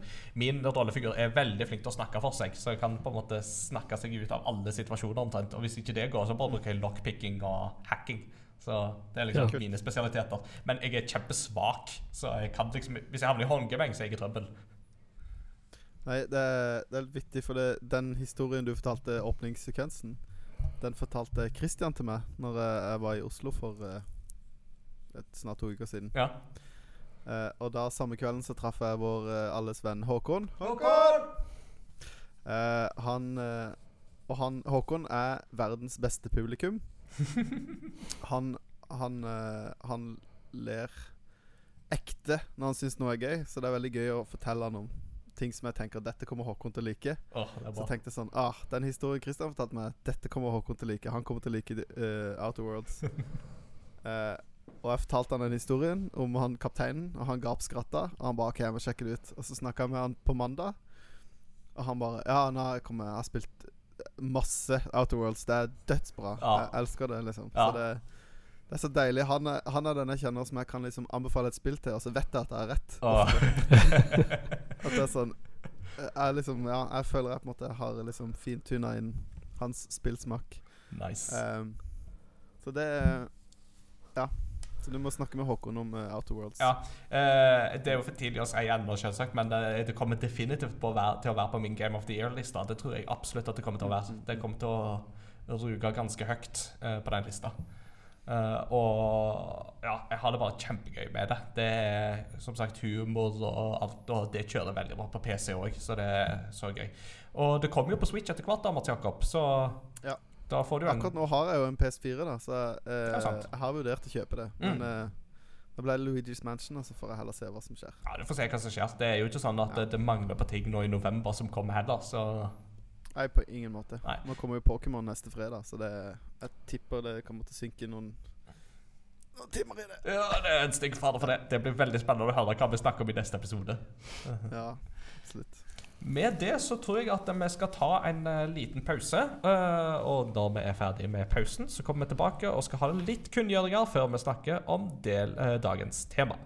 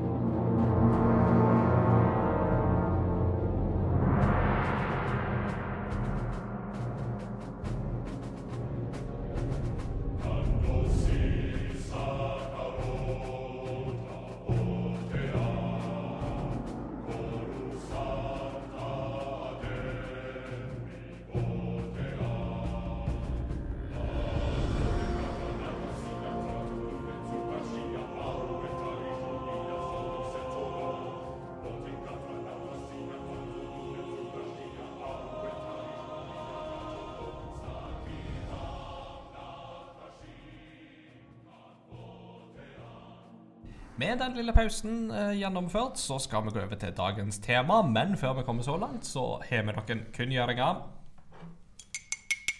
Kirkekaffen vært nede i eh, dagligstova. eh, korøving Nei da. Kristian er bedre på den enn det jeg er. Jeg syns du gjorde en uh, admirable uh, innsats. Ja, ja, det ypperste prest som jeg er, så kan jeg ikke gjøre alt. vet du Det er noe som heter arbeidsfordeling òg i uh, denne menigheten. Mm, mm. Men jo, eh, litt kunngjøringer må vi jo ha. Eh, den første kunngjøringa er jo den litt triste slaget. Det har jo lenge storma litt rundt GameStop. De har jo ikke gått så bra med de. Og nå nylig så er jo da nyheten kommet om at GameStop vil legge ned alle sine butikker i Norden. Så de gir opp satsinga her i Norden. Eh, Mm. Endelig dato er ikke satt ennå, men det vil nok sannsynligvis være neste sommer en gang. Så det er jo synd. Det er jo ikke uventa, dessverre, men eh, det er jo fortsatt synd for alle de som liker å ha en lokal spillbutikk. Ja. Det var jo Jeg hørte på en annen podkast at eh, på fire år så har en GameStop-aksje gått fra 50 til 3 dollar Mm. I verdi. Så det, det er en ganske dra... Det er ganske drøyt. Det er ganske drøyt, ja. Ja. Så det, det Vi får se. Men eh, eh, det, det er jo en eh, sånn analytiker, da. Uh, og ikke bare en analytiker, men uh, That guy Christian Bale played in The Big Short. Eh, altså en av disse her Jeg husker ikke navnet på han, men en av de få som forutså eh, boligkrakket i USA i 2008. Eh, han har jo veldig trua på GameStop. Og har veldig trua på at de kommer til å snu det. De, de kommer til å snu. Men eh, det er klart at Norden er jo et eh, veldig dyrt marked å holde det gående i. Eh, Ja. Så det er Og ikke vi- så uforståelig, da. Og, og vi har jo på generell basis veldig bra og stabil internettilgang. Og det er jo ikke tilfellet i iallfall i Nord-Amerika. Nei. Så er det jo de som bor i storbyer, de har internett. Men de som bor på landet, har ikke det. Så de er litt avhengig av å kjøpe fysiske spill. Mm. Så eh, fysiske medier kommer ikke til å forsvinne helt ennå. Det tror jeg ikke. Men uh, så blir det litt interessant hvordan det norske markedet vil utvikle seg. Det blir nok mer for nisjebutikker eh, som Neo-Tokyo og sånne ting, som på en måte fortsatt vil kunne kanskje ha et marked å forholde seg til. Men uh, Mm. det er klart at det, det norske fysiske spillutvalget er blitt betydelig dårligere de siste årene. Så vi får se. GameStop er det eneste stedet her i Kristiansand for eksempel, hvor, du, hvor de Mm. har noe annet enn Mario og Fifa. Ikke sant? Kanskje vi skal begynne en egen sjappa her i Oslo, Mats Jakob? Ja, Hadde ikke det vært gøy? det, ja. det hadde vært gøy. Vi får, Men vi det, får lufta eh, branchinga til det fysiske crossover gaming eh, shop ja. nei, det, med, med scene. det hadde vært gøy, men eh, jeg tror nok ikke det er så mye penger i det. Nei, nei, dette blir på frivillig basis når vi har vunnet i Lotto alle tre, vet du. Det Ja. Mm. Uh, vi skal videre. Uh, Shigeru Miyamoto, godeste skaperen av Mario og Donkey Kong og Legend of Zelda med mer, har nylig vunnet den gjeve japanske ærestittelen Person of Cultural Merit. Det er da den høyeste æresutnevnelsen som en person kan få i Japan innenfor kultur. Eh, Oi. Så hvert år så er det eh, en del folk som får denne prisen. I år så var det vel en 20 stykk. Eh, Blant annet eh, en av eh, disse tre som vant Nobelprisen i fysikk for utvikling av litium-ion-batterier. Eh, og Miyamoto vant da denne æresprisen, og er da den første personen fra dataspillbransjen som vinner denne prisen. Ja, Så det det er er en kjempestor ære. Ja. Vel fortjent. Ja, Så må vi jo snakke om det største som har skjedd siden sist, og det er jo BlizzCon 2019. Yes. Uh, yes. Uh, før BlizzCon så var jo stemninga mot Blizzard ganske anstrengt, for å si det mildt. Uh, det var jo et veldig spent situasjon, og folk lurte jo på hvordan dette kom til å gå. Men det må jo sies at Blizzard har tatt utfordringer på strak arm og levert alt det fansen ville ha, så å si. De kom med en full ut beklagelse av hele Blitzchung-fadesen. Vi har reagert for hardt og for fort, og vi beklager det. Det var det de begynte hele Blitz, BlitzCon med. Mm. De har presentert eh, Overwatch 2. Uh, og ikke minst, de har annonsert Diablo 4 for alle dere som ikke har telefoner der ute. Så la oss begynne med siste her. Uh, Joakim, Ja. du er jo stor Du er jo stor Diablo-fan. Ja. Og eh, du var ikke veldig happy etter Diablo Immortal-annonseringa i fjor. Nei, jeg syns det Å ta det på hovedscenen som en stor happening, eh, et mobilspill eh, Jeg syns Hele salen Det er vel første gang eh, BlizzCon det, det at eh, de har bedt buing Mm. eh, noen gang eh, fra publikum, så ja, det sier vel litt. Men, eh, men nå er jo da Diablo 4 annonsert, endelig. Ja. Eh, og hva, hva tenker du? Nå har vi jo bare sett litt sånn cinematiske klipp og sånt, Ja. men eh, ser det lovende ut? Ja, altså jeg har jo spilt Diablo 2 eh, i Siden når det kom ut, spilte jeg jo hver dag i et par år. Oi. Og eh, jeg har spilt aktiv Diablo 3 også, faktisk. Mm. Eh, ja, veldig mye, faktisk, i det siste. Og eh, jeg syns uh, fireren ser ut som eh, går tilbake til eh, den, den røttene, da, til uh, toeren og eneren og Mm. Og eh, jeg tror det er det fansen eh, egentlig har ønska, da. At eh, litt, mer, litt mørkere, litt mer eh, blod. Ja, det, det, det var veldig blodig og dystert, Ja. den eh, traileren her, altså. Så det eh, eh, skal vi absolutt eh, få til, vet du. Eh, Mm. Nei, det var Jeg syns den eh, traileren var dødskul. Eh, Ja. Jeg ble, eh, jeg ble skikkelig gira. Jeg, jeg visste Jeg hadde ikke fått med meg at BlizzCon var. Jeg er jo ikke noe sånn utprega Blizzard-gamer. Men, eh, men eh, jeg har en kollega som er det, og han Jeg fikk en Jeg fikk Jeg fikk en bare en melding av han hvor det sto liksom Liksom Han skrev bare 'hype', og så sto det jeg sitter med gåsehud. Jeg bare OK, hva skjer? Han bare 'BlizzCon!' så da Så gikk jeg inn og sjekka. Jeg bare ah, OK, nå skjønner jeg hva du mener. Diablo 4 og liksom over, ja, Han er jo ikke Overwatch, da, men det er jo litt stas. Mm. Ja. Men det, det var jo gøyalt å se altså, Selv for meg som ikke har sett, uh, spilt noe særlig Diablo, så var det jo en heftig trailer å se på. Ja. Og Mm. veldig, veldig artig sånn, altså. Ja. Eh, nå har ikke jeg noe forhold til hvem Lilith eh, er, men uh, sånn utenom, utenom jødiske, uh, mellomtestamentlige, mystiske skrifter og sånt, da, selvsagt. Hvis vi skal liksom snakke teologi, så kan jeg masse om Lilith, men eh, ut ifra Diablo-sammenheng så kan jeg ingenting. Nei, altså hvis jeg husker riktig, så var det vel eh, datter av Mefisto, som Aha. er en av de tre prime evils. Nice. Eh, Mm. Han er lord of hatred, og hun er vel eh, Jeg husker ikke Mistress of Hate? Ja, eller. Daughter of Hatred. Daughter of Hate, ja. Så, så, noe Jeg tror det var det de titulerte henne som i Thailand òg. Mm. Mm. Og så, ja. Nei, det ser jo kjempegøy ut, det. det Ja. Har du noe, um, har du noen ønsker eh, for Diablo 4? ja, det er vel eh, Altså, det man har sett hittil, så ser det veldig bra ut. Men det er veldig lovende, så eh, at de bare holder på det de lover, og de går litt tilbake til uh, Diablo 2. Og uh, der virker som det blir veldig sånn uh, Online-preget er veldig sånn du Plutselig så møter Det blir sånn MMO-aktig, for du kan møte folk tilfeldig ute mens du går ut i, eh, i spillet, da.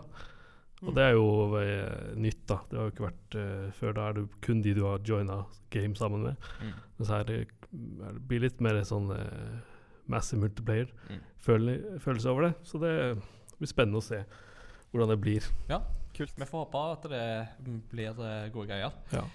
De viste jo òg eh, cinematisk trailer til World of Warcraft Shadowlands, den nye ekspansjonen der. Det òg var heftige saker å se på. altså. Mm. Den, eh, de kan eh, sine filmsekvenser, Ja. Blizzard, altså. Det har de alltid kunnet.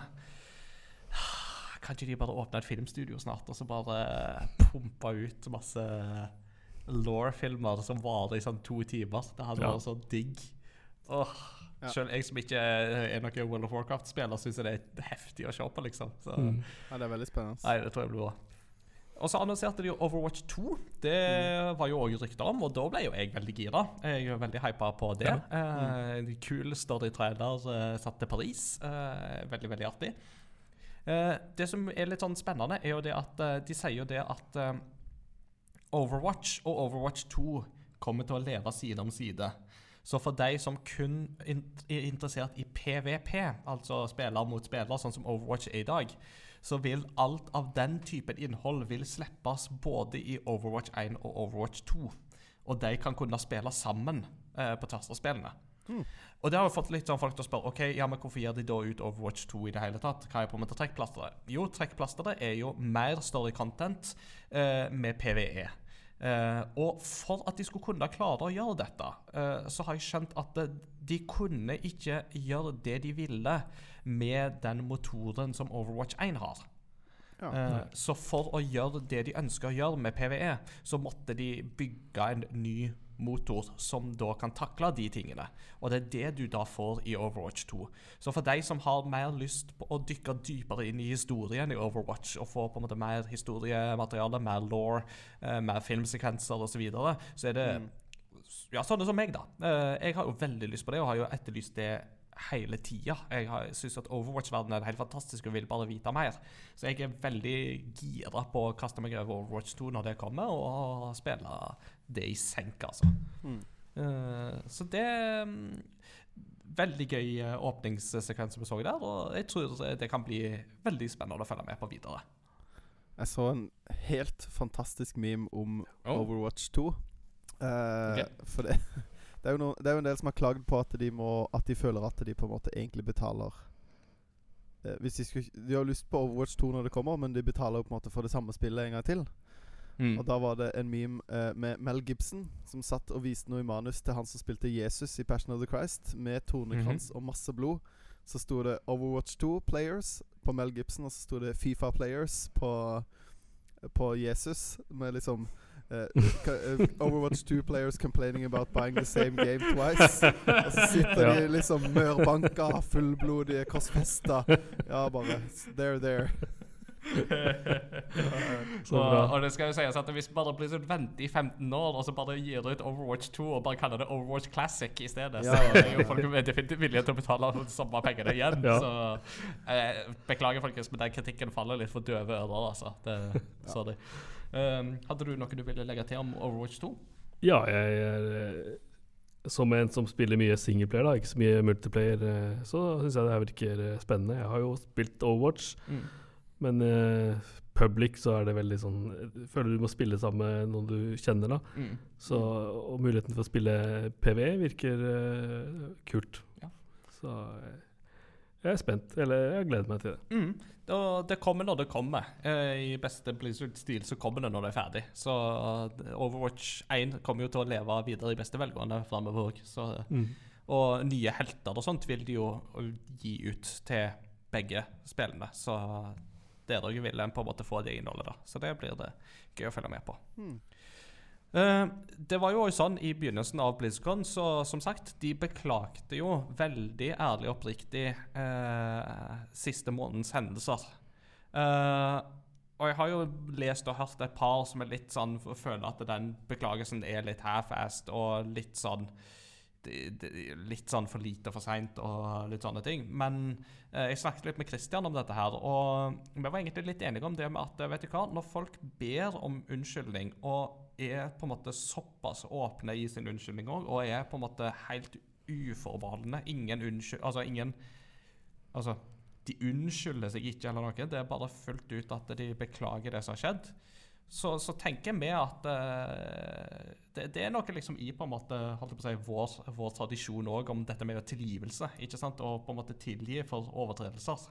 Og vi Ja. tenker jo det at um, det, det, det koster jo absolutt Blizzard litt å faktisk beklage det så åpent. De risikerer jo litt i møte med Gina. Så jeg tenker det at eh, Vet du hva, jeg tror de mener helt oppriktig at uh, de er lei seg, og at uh, de skal jobbe for at dette ikke skjer igjen. Så.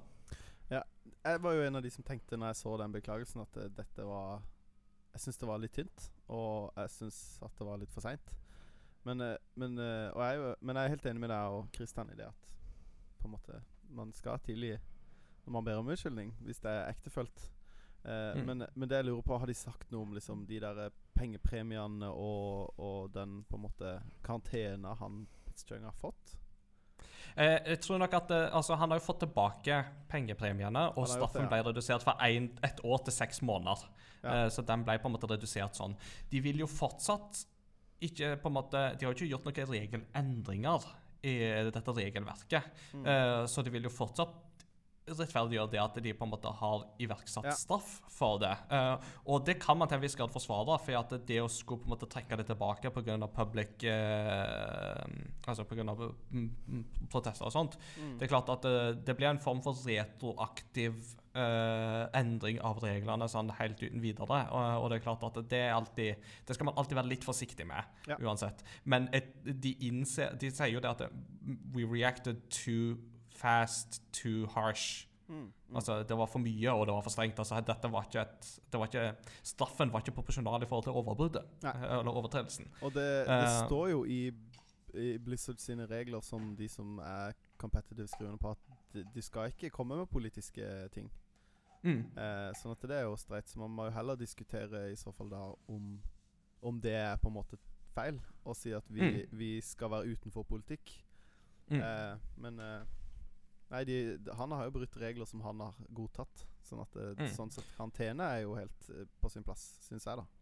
Ja, øh, også, men, men altså, hadde man på en måte begrensa dette litt mindre, altså to måneder, tre måneder eller noe sånt, så hadde det vært litt mer proporsjonalt i forhold til, til tingene. Ikke minst med tanke på at dette var jo ikke i selve turneringa, men det var jo på en måte etter at han vant Ja, ja. og litt sånne ting også, ikke sant? Så det, det er jo det er mange ting der som er på en måte diskutable og sånt. Men jeg tror det at Blizzard virkelig ønsker å, å på en måte forsone seg med fansen Mm, og mm. si at eh, dette var dette, dette skulle på en måte aldri skjedd sånn som det skjedde, og Ja. det må vi bare beklage. Og så er det klart, så blir det jo opp til Blizzard nå å på en måte etterleve den beklagelsen, ikke sant? Og på en måte eh, lære av sine feil og gå videre derifra. Mm. Og det er jo litt annerledes sånn Det var jo nå nylig en, eh, en veldig kjent Fortnite-spiller, eller iallfall Mm. streamer, som ble banna for livstid fordi han ble tatt i å bruke aimbot. Og Mm. det er jo noe helt annet. Det er jo å jukse i spillet. Altså, det er jo Det er jo det. Eh, Ja. da, da skjønner jeg at de bare sier ja, da kan du bare pelle deg vekk. For Mm. du jukser. Og, og tjener penger på å sitte og vinne, og du sitter og jukser, på en måte. Men det Eller penger på å streame, da, mens du Ja. er god, og så er du ikke god. Eller sånn. Det er jo, det, det er jo Ja. noe helt annet. Mm. Ja, det er helt, helt annet. Så ikke juks, folkens. Bare, ikke, bare ikke gjør det. Nei, det er ikke noe gøy. Nei. Og, og var det ikke sånn eh, når det gjelder den uh, eh, banningen at uh, de har jo, Blizzard har jo ikke lov å, å publisere spill i Kina, så de må gjøre det gjennom et annet firma. Kinesisk eid firma, da. Mm. Og det er de som har uh, Om det er de som banna, eller i hvert fall de som har eh, sagt uh, at de gikk imot national dignity, altså Kinas verdighet. Det som, og det har Blizzard sagt at det, det er ikke noe vi støtter. Så det, det, ut, det utsagnet her, det kommer fra dem, ikke fra oss. Ja, riktig. ikke sant? Så det er veldig tydelig at eh, Blizzard eh, de, de, de var veldig åpne på det under BlizzCon òg, at eh, altså, ytringsfriheten står utrolig sterkt, og Ja. fansen skal få lov å ytre seg. Ja. Så det var jo ikke sånn at de arresterte folk som kom på BlizzCon ikledd Ole Brumm-kostyme eller gikk rundt med paraplyer, f.eks. For, for det var jo For du vet hvorfor Kina ikke liker Ole Brumm? Nei. Ja. Eh, Det er fordi at eh, det var en sånn vits som oppsto på nettet for eh, et år eller to siden om at Xi Jinping, Kinas grand premiere. Mm. eh, og Ole Brumm var veldig like på hverandre, så det oppsto karikaturer med at Xi Jinping ble framstilt som Ole Brumm. Så da har liksom Kina bare sagt at nei, nå, nå hater vi Ole Brumm, så vi bare prøver alt av Ole Brumm det blir bare fjerna. Ja. så, Kingdom, så Kingdom Hearts 3 ble jo eksempel sensurert i Kina, så alt av Ole Brumm-materialet det ble tatt vekk. Eh, Sykt. så Spesielt. det var faktisk folk på BlizzCon som kom utkledd som Ole Brumm. det er magisk. Det er deilig. Det er sånn Ja. Og veldig, det- og veldig, det er ytre- veldig intern diss. ja, og det er ytringsfrihet på sitt beste. Altså. Ja. Det er når du kan gjøre sånne ting som det der. Det er bare sånn, når, når ting blir litt sånn Når ting blir så håpløst at du bare må le litt av det, ikke Mm. sant? så skaper du humor rundt det, og så går vi videre. Ja. Det er litt sånn Bård Tufte Johansen i kyllingkostyme. Ja, det er sånn, ikke sant? Eh, Å snakke om å gå videre, så går vi òg videre eh, fra BlizzCon. Jeg tror vi har snakka om det vi vil, vil si, og vi har viktige ting det òg å ta opp, eh, for så vidt. Så, Ja. ja. uh, helt til slutt, så med en fin Segway til um, temaet, så kan vi jo nevne at eh, EA uh, har plutselig havna med EA sine spill skal tilbake til Steam. Så det er jo De har jo vært på Origin kjempelenge, ja. men uh, nå skal de da gi ut både på Origin og på Steam. Og det første spillet som eh, kommer ut der, det er da allerede neste fredag. For det er da Star Wars Jedi Fallen Order. Så det kan da kjøpes både på Steam og på Origin. Uh, du må ikke kjøpe begge plasser, selvsagt. Du kan velge hvor du vil kjøpe det. Mm. Men um, det er klart at Origin er jo en tjeneste som mange har hatt sine issues med. Eh, så jeg, jeg tror at dette, denne gjenforeninga er bra. Og ikke minst så er det jo, viser det jo at Steam tar presset fra Epic på alvor. Eh, og det at de klarer å få tilbake EA, det tror jeg vil, spille, vil være veldig viktig for Steam. altså. Ja. Men jeg, jeg tror også det er en, st- et stort spill fra EA sin side. For det, Det er det nok absolutt. Jeg tipper at de har ganske mye penger å tjene på å ha det De hadde hatt med mye penger å tape på å ikke ha spill på Steam. Ja. Ikke sant? Og jeg tror det at det, Og det koster jo sitt å drive en egen sånn Det må koste å drive en egen eh, tjeneste på den måten òg. Så Ja. det spørs hvor lenge Origin lever videre. Vi får se. Men uh, enn så lenge iallfall så skal det leve videre. Ja. Med det, så Og siden vi nå snakker om Star Wars-spill, så kan vi jo gå videre til dagens tema. For i dag så skal vi snakke om Star Wars-spill. På fredag som kommer, så um, Ikke i morgen for oss, men altså fredagen etterpå, så slippes jo da Star Wars Jedi Fallen Order, som jo da er det første story, fullt ut storydrevne Star Wars-spillet som har fått eh, helt siden Disney overtok lisensen. Uh, I tillegg så kommer det jo ny Star Wars-film i desember. Rise of Skywalker, episode 9, avslutter den nye trilogien. Um, kort sagt, det er en god anledning for å snakke om Star Wars-relaterte ting. Og Joakim, i den forbindelse så har vi òg invitert deg, for uh, jeg vet jo for nå, etter på en måte sett deg og snakket Ja. med deg i noen år, at du er veldig glad i Star Wars. Uh, så det å snakke om Star Wars-spill, det tror jeg må passe veldig Ja, godt. det er alltid en god anledning til det. Ja, det, det, det sier vi ikke nei takk til. Så. um, la oss bare på en måte Under lytterposten så fikk vi ikke sagt så mye om eh, våre favorittspill i Star Wars-universet. Ehm, eh, vil du fortelle hva måte, hva er ditt favorittspill av eh, Star Wars-spill? Ja, uff. Eh, jeg har jo spilt en del, da.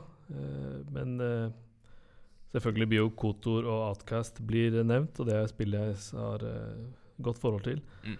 Eh, men eh, utenom det så tenker jeg mer tilbake på eh, gamle Nintendo 64-spill. Og det Ja. gamle Når man var barn og satt der og spilte. Da var det f.eks. det derre Star Wars Shadow of the Empire. Om du husker det? Dash Randar. Ja. Randar. Det, det har kost meg mye med. Mm. Det, det syns jeg var eh, skikkelig bra. Og husker en boss når du slåss mot uh, AT-ST, den uh, på to bein. Mm. Det var liksom helt rått da, å kunne slåss mot den. Så mange gode eh, opplevelser derfra. Ja. Det, det er en av mine eh, gode minner, da. Mm. Ja. Absolutt. Yes. Uh, Mats Jakob, har du noe du vil eh, slenge inn som dine favoritt-Star Wars-spill opp gjennom Ja, årene? nei, eh, for meg så er det jo eh, det samme. Det er Shadows of the Empire som er det som står sterkest. Eh, Mm. jeg, sp- jeg hadde ikke Xbox, og jeg hadde ikke noe PC når uh, Kotor kom ut. Eh, så jeg fikk det på en måte ikke med meg heller. Jeg hadde ingen venner som heller var der. Det var liksom Nintendo som gjaldt. Um, sånn at uh, jeg prøvde det Jeg har, jeg har prøvd det i, i, nå i de siste årene. Um, og syns at de er litt sånn kan, de, de er litt tunge når du ikke Når du går rett tilbake på det. Ja. Um, og Men det jeg syns er fascinerende med det, er, som gjør at jeg har mer lyst til å gå tilbake til det nå, er jo at jeg har begynt å spille rollespill og har litt mer forståelse for de sånn D20-reglene, da. Eh, Ja. For det, det er jo ja, sånn, De er jo basert på Dungeons and Dragons-reglene, i forhold til character building og combat og hvor ofte du treffer og critical hit og alle disse tingene her, da. Mm. Som på en måte når du ikke vet hva det er, eller vet at det er det regelsettet, så er det veldig sånn Det er veldig overveldende eh, når du på en måte tenker at det er et tradisjonelt liksom, tredjepersons actionspill. Du, Mm. kan, du kan på en måte Du kan jo sikkert det. Jeg opplevde iallfall at jeg ikke kunne spille det som Mass Effect eller et annet sånn tredjepersonsspill som, som jeg var vant til. Det mer sånn rent actionstyrt, da. Mm.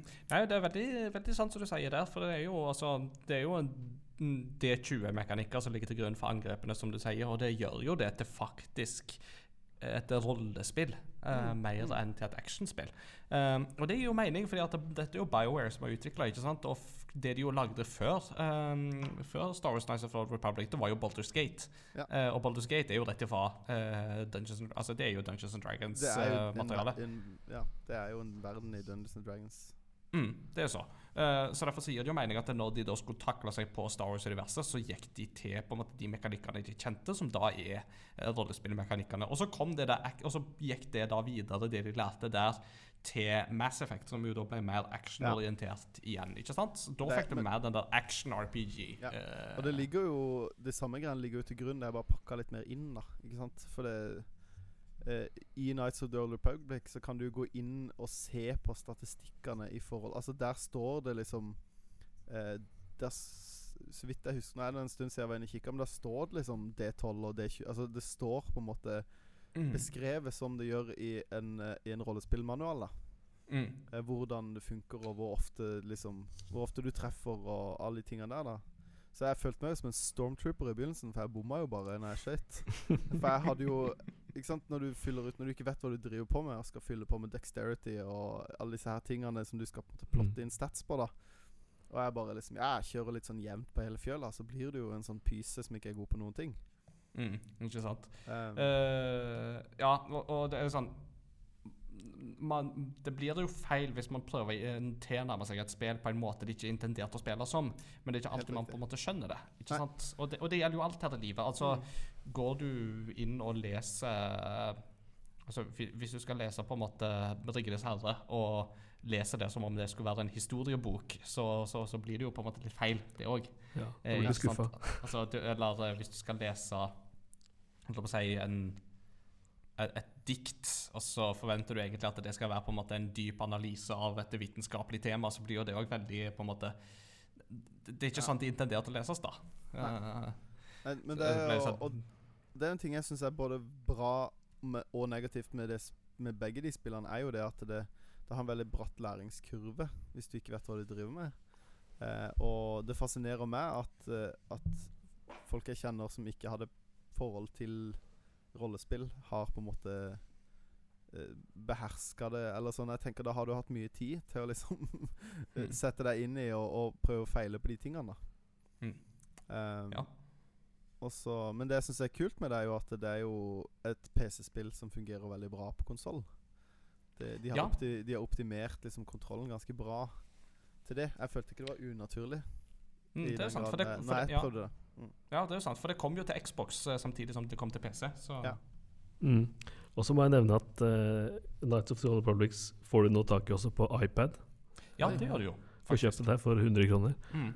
Eh, Fulle sp hele spillet. Ja, jeg lurer på Kanskje til iPhone òg, eller er det bare Jeg- iPad? Eller? Jeg tror det er bare iPad. Ok. Eh, Ja, men uansett så er det jo? Men ja, det er jo gjenutgitt på Ja. de plattformene der, så det er jo fortsatt mulig å plukke det opp for folk som er mer på farten og sånt. Ja. Så. Mm, mm.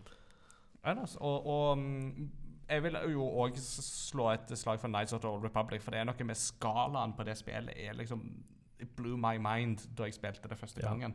Eh, jeg er jo en som opp gjennom årene har blitt veldig glad i The Expanded Universe i Star Wars, altså det som er av materiale utenom filmene og TV-seriene. Mm, mm. Um, og Nights of the Republic står for meg fortsatt som noe av det beste du har fått av Expanded Universe.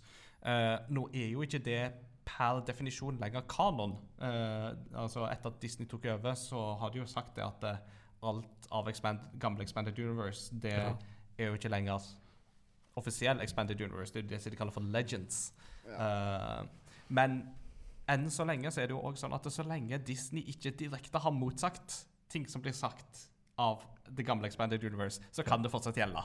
Ja. Uh, og de har ennå ikke kommet med noe som direkte overskriver uh, The Old Republic eller Nights of the Old Republic. for den saks skyld. Uh, så alt på en måte i den epoken der, det kan vi fortsatt tenke på som Jo ja, det er fortsatt kanon. Ja. Så det, det er ikke apokryfer ennå, liksom. Nei, jeg har på en måte litt sånn anstrengt forhold til, liksom, a til avkanonisering, og spesielt når det gjelder Star Wars. For det er sånn eh, Det er en kanon som er så stor, og som er Ja, så eh, ja. etablert, og det er, det er så Hva skal jeg si eh, Etableringa av liksom aksepten av kanonen er så eh, Hva kan jeg si empirisk, da. Det er så på en måte Folk er på en måte Det er så mange som er enig i at dette er greit, og så skal plutselig noen kjøpe det og si Nei, nå kan du bare forkaste alt som dere på en måte For Star Wars er jo i så utrolig stor grad drevet av fandom, da. Altså av fansen. Altså Mm.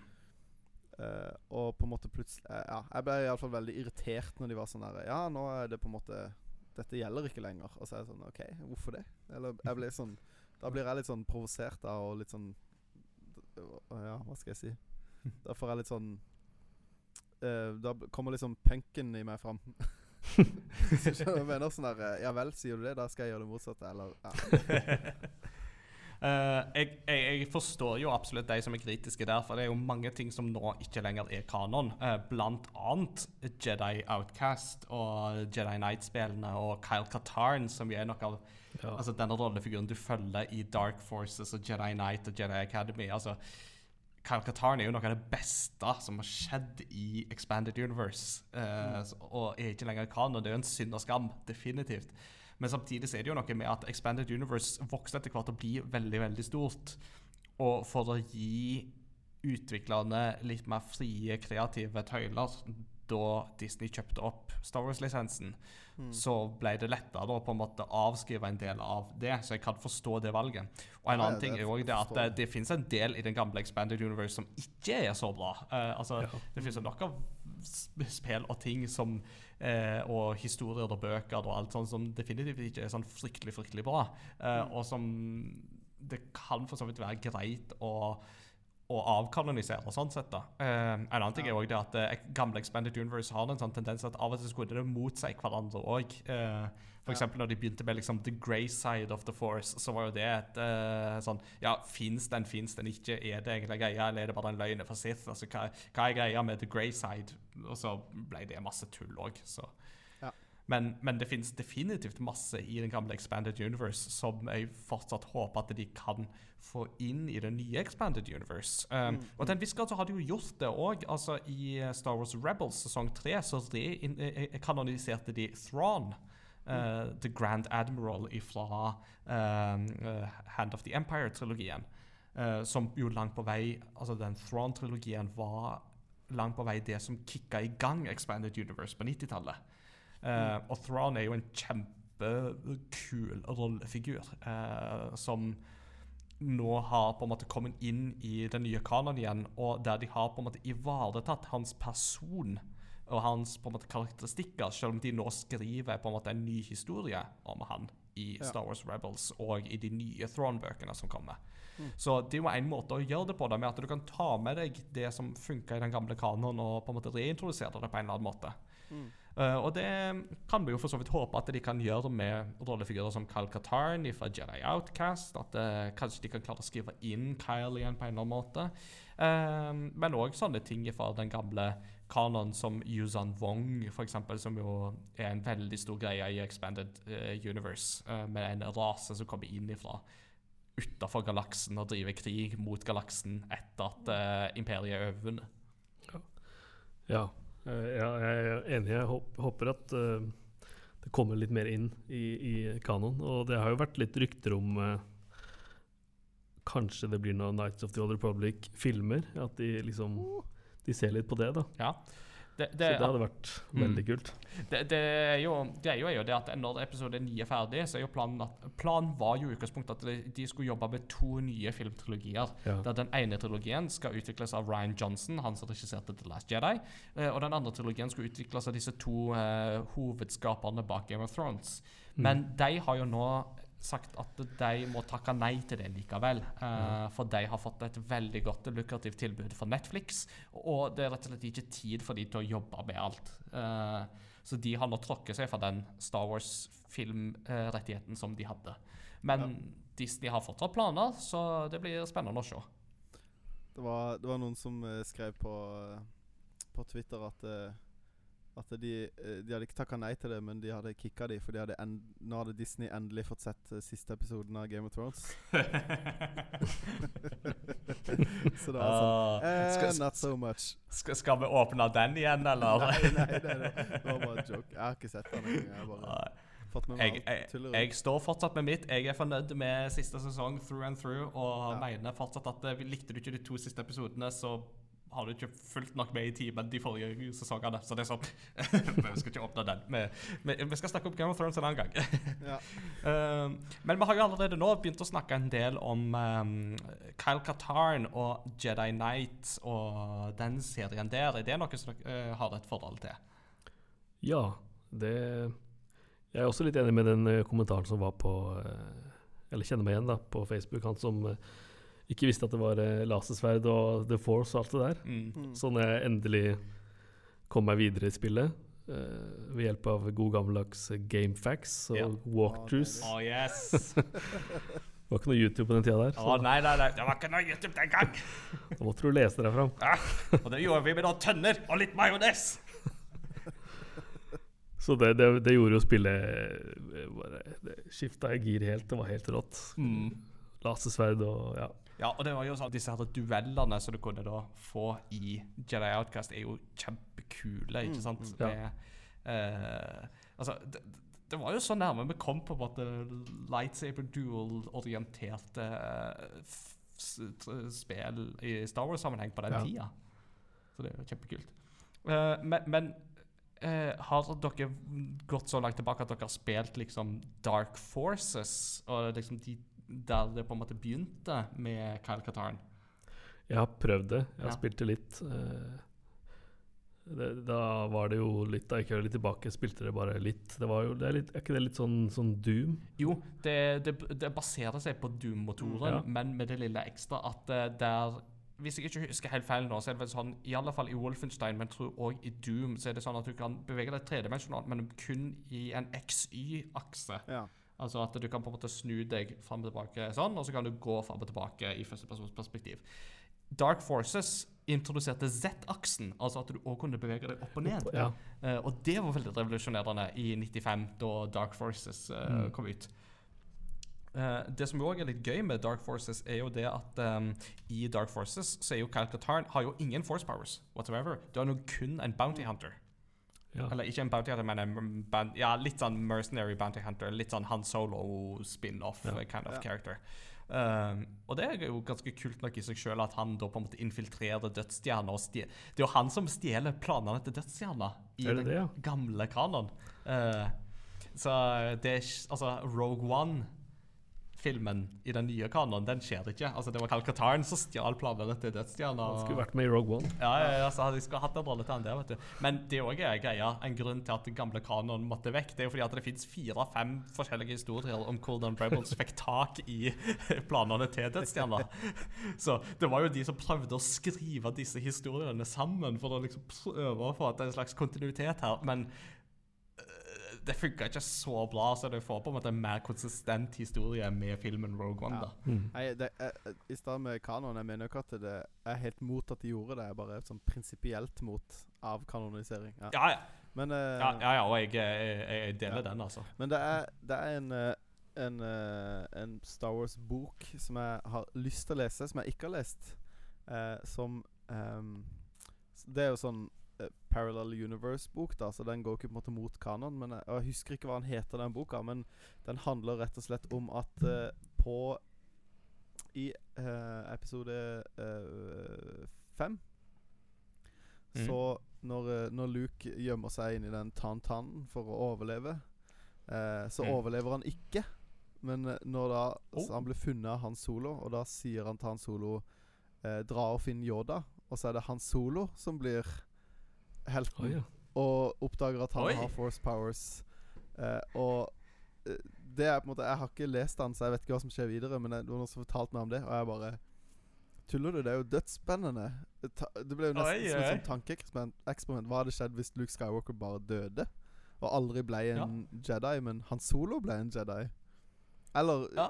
Ja. Uh, og, det, og det er jo nesten Og da blir jo Han Solo nesten som Karl Katarn, ikke Ja. sant? Med at en person som er Mm. litt sånn outlaw, bounty hunter, gunslinger, den type character som plutselig bare uh, Nei, nå, nå er det du som kan bruke kraften i stedet. Mm. Nei, så Den uh, boka har alltid uh, liksom interessert meg. Jeg husker ikke hva den heter, så jeg kan ikke Ja, det må vi, det må Ja. vi finne ut av. Men det fins jo i spillsammenheng alternativ historie om hva hadde skjedd hvis Luke på en måte ikke hadde blitt Eller ikke blitt til, for det blir han jo, men hva hadde skjedd hvis Luke hadde dødd på et mye tidligere tidspunkt? Og det er jo The Force Unleashed. Ja. Spilte dere det noen gang? ja, det har jeg spilt. Ja, for det var jo to spill som kom ut ganske seint i Lucas Arts-perioden, som var på en måte veldig heftige for sin tid. Men der var jo tanken at du skulle jo på en måte leke deg fullt ut med Force Powers Ja. fordi du spilte som Star Killer, som han Ja. jo kaltes. Ja. Og det navnet har jo senere gått videre til episode 7, uh, med Starkiller Base. er Ja. jo da Uh, Og begge de er jo oppkalt etter Luke i Altså, i det originale manuset til Star Wars så heter jo Mhm. Luke ikke Skywalker, men Starkiller. Ja. Så det er jo en historie som går helt tilbake til Ja, det er veldig 70-tallet. kult. Eh, ja. Men i The Force Unleashed så er det jo sånn at du har to slutter. Um, der du har eh, en god slutt, um, og så har du òg en ond slutt. Og den onde slutten er jo da at du velger på en måte å drepe Darth Vader og ta Vaders plass som uh, keiserens uh, nye lærling. Og hvis du spiller den slutten, og spiller liksom alle så, så, så var det på en måte noen utvidelser som ga deg tre tilleggsoppdrag. Så du kunne spille som Star Killer, som da går på en måte full Sith. Eh, og det siste av de er at han da går face to face med Luke. Uh, ja. uh, og det er da liksom Luke sier noe sånt som var sånn herre Altså, al- altså vi er på, på en måte sånn her Nei, nei, nei, min, min far, han min, min, min far, han ble drept av Min far han ble drept av Darth Vader, eller noe sånt. Jeg har ikke noen far. det, Så, ja, så, så det, det, det er den historien det har blitt fortalt, liksom. Men den her, så kommer alle og så bare Her vet de jo på en måte real life-storyen til Luke, og at det er noen sånne paralleller der med at de klarer å skape med at vi kjenner Lukes egentlige historie, og de kjenner Lukes sin egentlige historie, så spiller de et pønn på det, som jeg typisk nok klart å glemme akkurat nå, da. Sånn full, Men, helt ordet. Uh, har dere sett en dokumentar som handler om han som spilte Darth Vader uh, Karakteren, ikke stemmen, ikke James Earl Jones, men han som spilte fysiske Darth Vader? Ja, Anth Anthony et eller annet Ja. var det vel han het, tror jeg, hvis jeg ikke husker helt feil. Jeg kan ikke huske å ha sett den dokumentaren, bortsett, men jeg har fått med meg at jeg tror han eide ei hytte i Norge, eller noe Ja. sånt. Nei, for det han, han ble jo fryst ut av liksom Star Wars eh, eh, Liksom hele gjengen. Eh, Nei. Og det handler på en måte Det er sønnen hans sin som lager på en måte dokumentarer om sin far. Som på en måte var med på liksom en av de største filmene noensinne, men blir på en måte Ikke at han ikke blir anerkjent, men han ble på en måte Ja, han ble fri, rett og slett fryst ut. Han Han eh, Han spilte jo inn eh, alle stemmene. Altså han han fikk ikke vite at han ikke hadde stemme til Darth Vader før han gikk på kino og så filmen. Og hørte at det var noen andre som hadde stemmen. Eh, Mm. Og så ble han jo invitert tilbake til å spille i den neste filmen, og så ble det på en måte aldri snakka om Mm. eh, at det var sånn. Og han spiller i alle tre filmene, men uh, har på en måte ikke fått den anerkjennelsen. Har aldri blitt invitert med på sånn uh, Star Wars Star vet, De har sånne conventions hvert år. Det Mm. noe? Star Wars Ja, Celebration. Star Wars Celebration. Ja. Og blir, har aldri blitt invitert med på det, og han på en måte Det er mange Flere av de skuespillerne har jo på en måte levd lenge på det. At de har reist rundt og eh, hatt sånn meet and greets og signert bilder og sånne ting. Ja, ja, ja. Altså, du har jo um, han som spiller Wedge, eksempel, Wedge Antilles. Han Ja. har jo bygd hele sin på en måte karriere på nettopp det med å være Wedge i alt av spill. Altså, altså i alle spill der du hører Wedge, for eksempel, så er det jo alltid han originale skuespilleren til Ja. Wedge som har stemmen. Eh, og han har jo levd veldig på det. Ja, ikke sant? Men det her, eh, hele historien om han, det er kjempetrist. Mm. Men Ja. uh, han uh, Han sier for eksempel Eller han fortalte for eksempel at eh, Jo, når de spilte inn, så visste jo eh, Så visste jo ikke da Når de spilte inn, inn filmen, så, så var jo ikke storyen at eh, han sier at Darth Vader var faren til Luke Skywalker. Så når han sa det at eh, når han dro på kino og så det, så ble det jo overraskende for han. For han trodde jo Ja. at han skulle si Eller han sa eh, 'I killed your father'. Og at det skulle, storyen skulle være at Darth Vader hadde drept faren til Luke Skywalker, men ikke at han var faren. Sånn at eh, det er ganske Det er egentlig en veldig sånn uh, trist film. Nei, det er trist å høre. Uh, men det er jo litt sånn godt å høre at de i etterkant har blitt litt flinkere på å hente de inn igjen, da, disse her som eh, har um, kanskje falt litt uh, Mm. ut, på en måte, sånn som han som spilte Jar Jar, eksempel, har jo etter hvert blitt tatt litt mer inn i varmen og, Ja.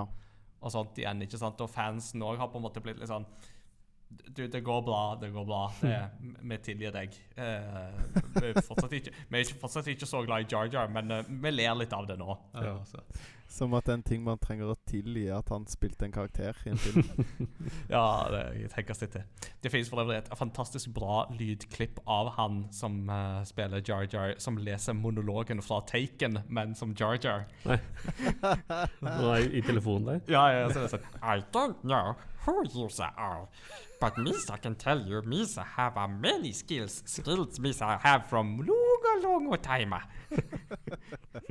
Og avslutter liksom med sånn der I will hunt you, sir. I will find you, sir. And I will kill you, sir.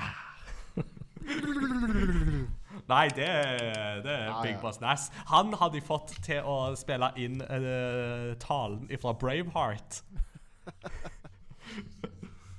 Jo Stasa can never take our freedom! Nydelig. Så ja da, det fins masse bra Star Wars-materiale der. Men hvilket Men, eh, forhold ja. har dere til liksom prequel-trilogien?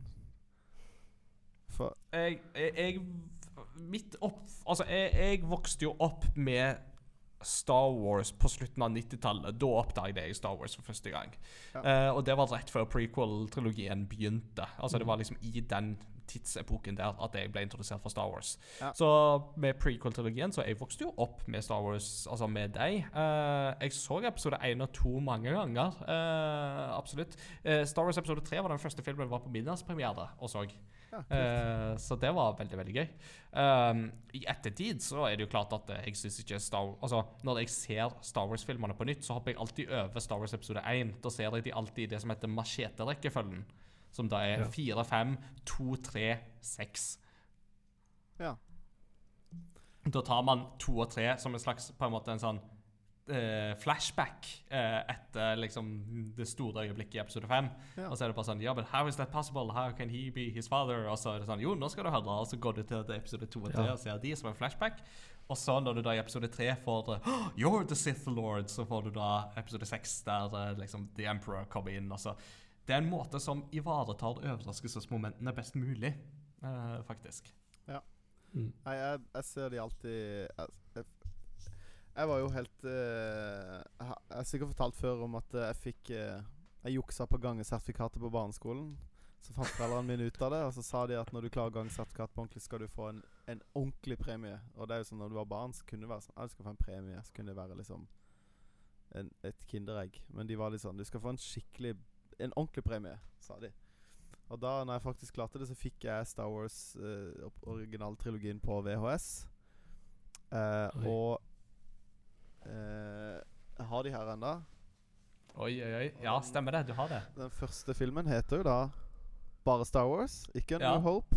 Nei, nei, nei. Så dette er- Her står det fremdeles Mats Jakob Nesmann med tusj bakpå. Eh, Ja. Og eh, det var jo Ja, det spikra liksom greia, og jeg var den første Jeg var den eneste som hadde de. Så jeg hadde jo liksom Det var Jeg hadde det, Når på en måte folk ble interessert, eh, så hadde jeg Kunne jeg ha liksom gutter tre ganger i uka Hmm. etter skolen på besøk for å se forskjellige folk, da. Yes. Kult. Ja, det er sånn det skal være. Så det var, Jeg, eh, det var, veldig, det var veldig stas. Og da når på en måte episode én kom, så kjøpte vi jo eh, Naboen min hadde kjøpt For lekene kom jo nesten et år før actionfigurene. Så vi hadde jo Mm. liksom eh, de nye droidsene på de her eh, se, flyvende Segwayene sine. Mm. eh, eh, kjørende rundt og liksom Syns jo det var For vi var jo helt ukritiske, på en måte. Fordi vi hadde sett tre filmer som vi syntes var dritfete. Mer av det med liksom eh, På den tida bra CGI. Så nå er jo helt sånn Det er jo bare søppel i dag. Men Sånn at jeg har på en måte ikke noe problem med å se dem fordi jeg har veldig Veldig rosa nostalgiske briller når jeg ser dem. Mm. Men, eh, men eh, det, sånn objektivt sett er det jo ikke noe Det er jo ikke, det er jo ikke strålende s, eh, film. Nei, nei.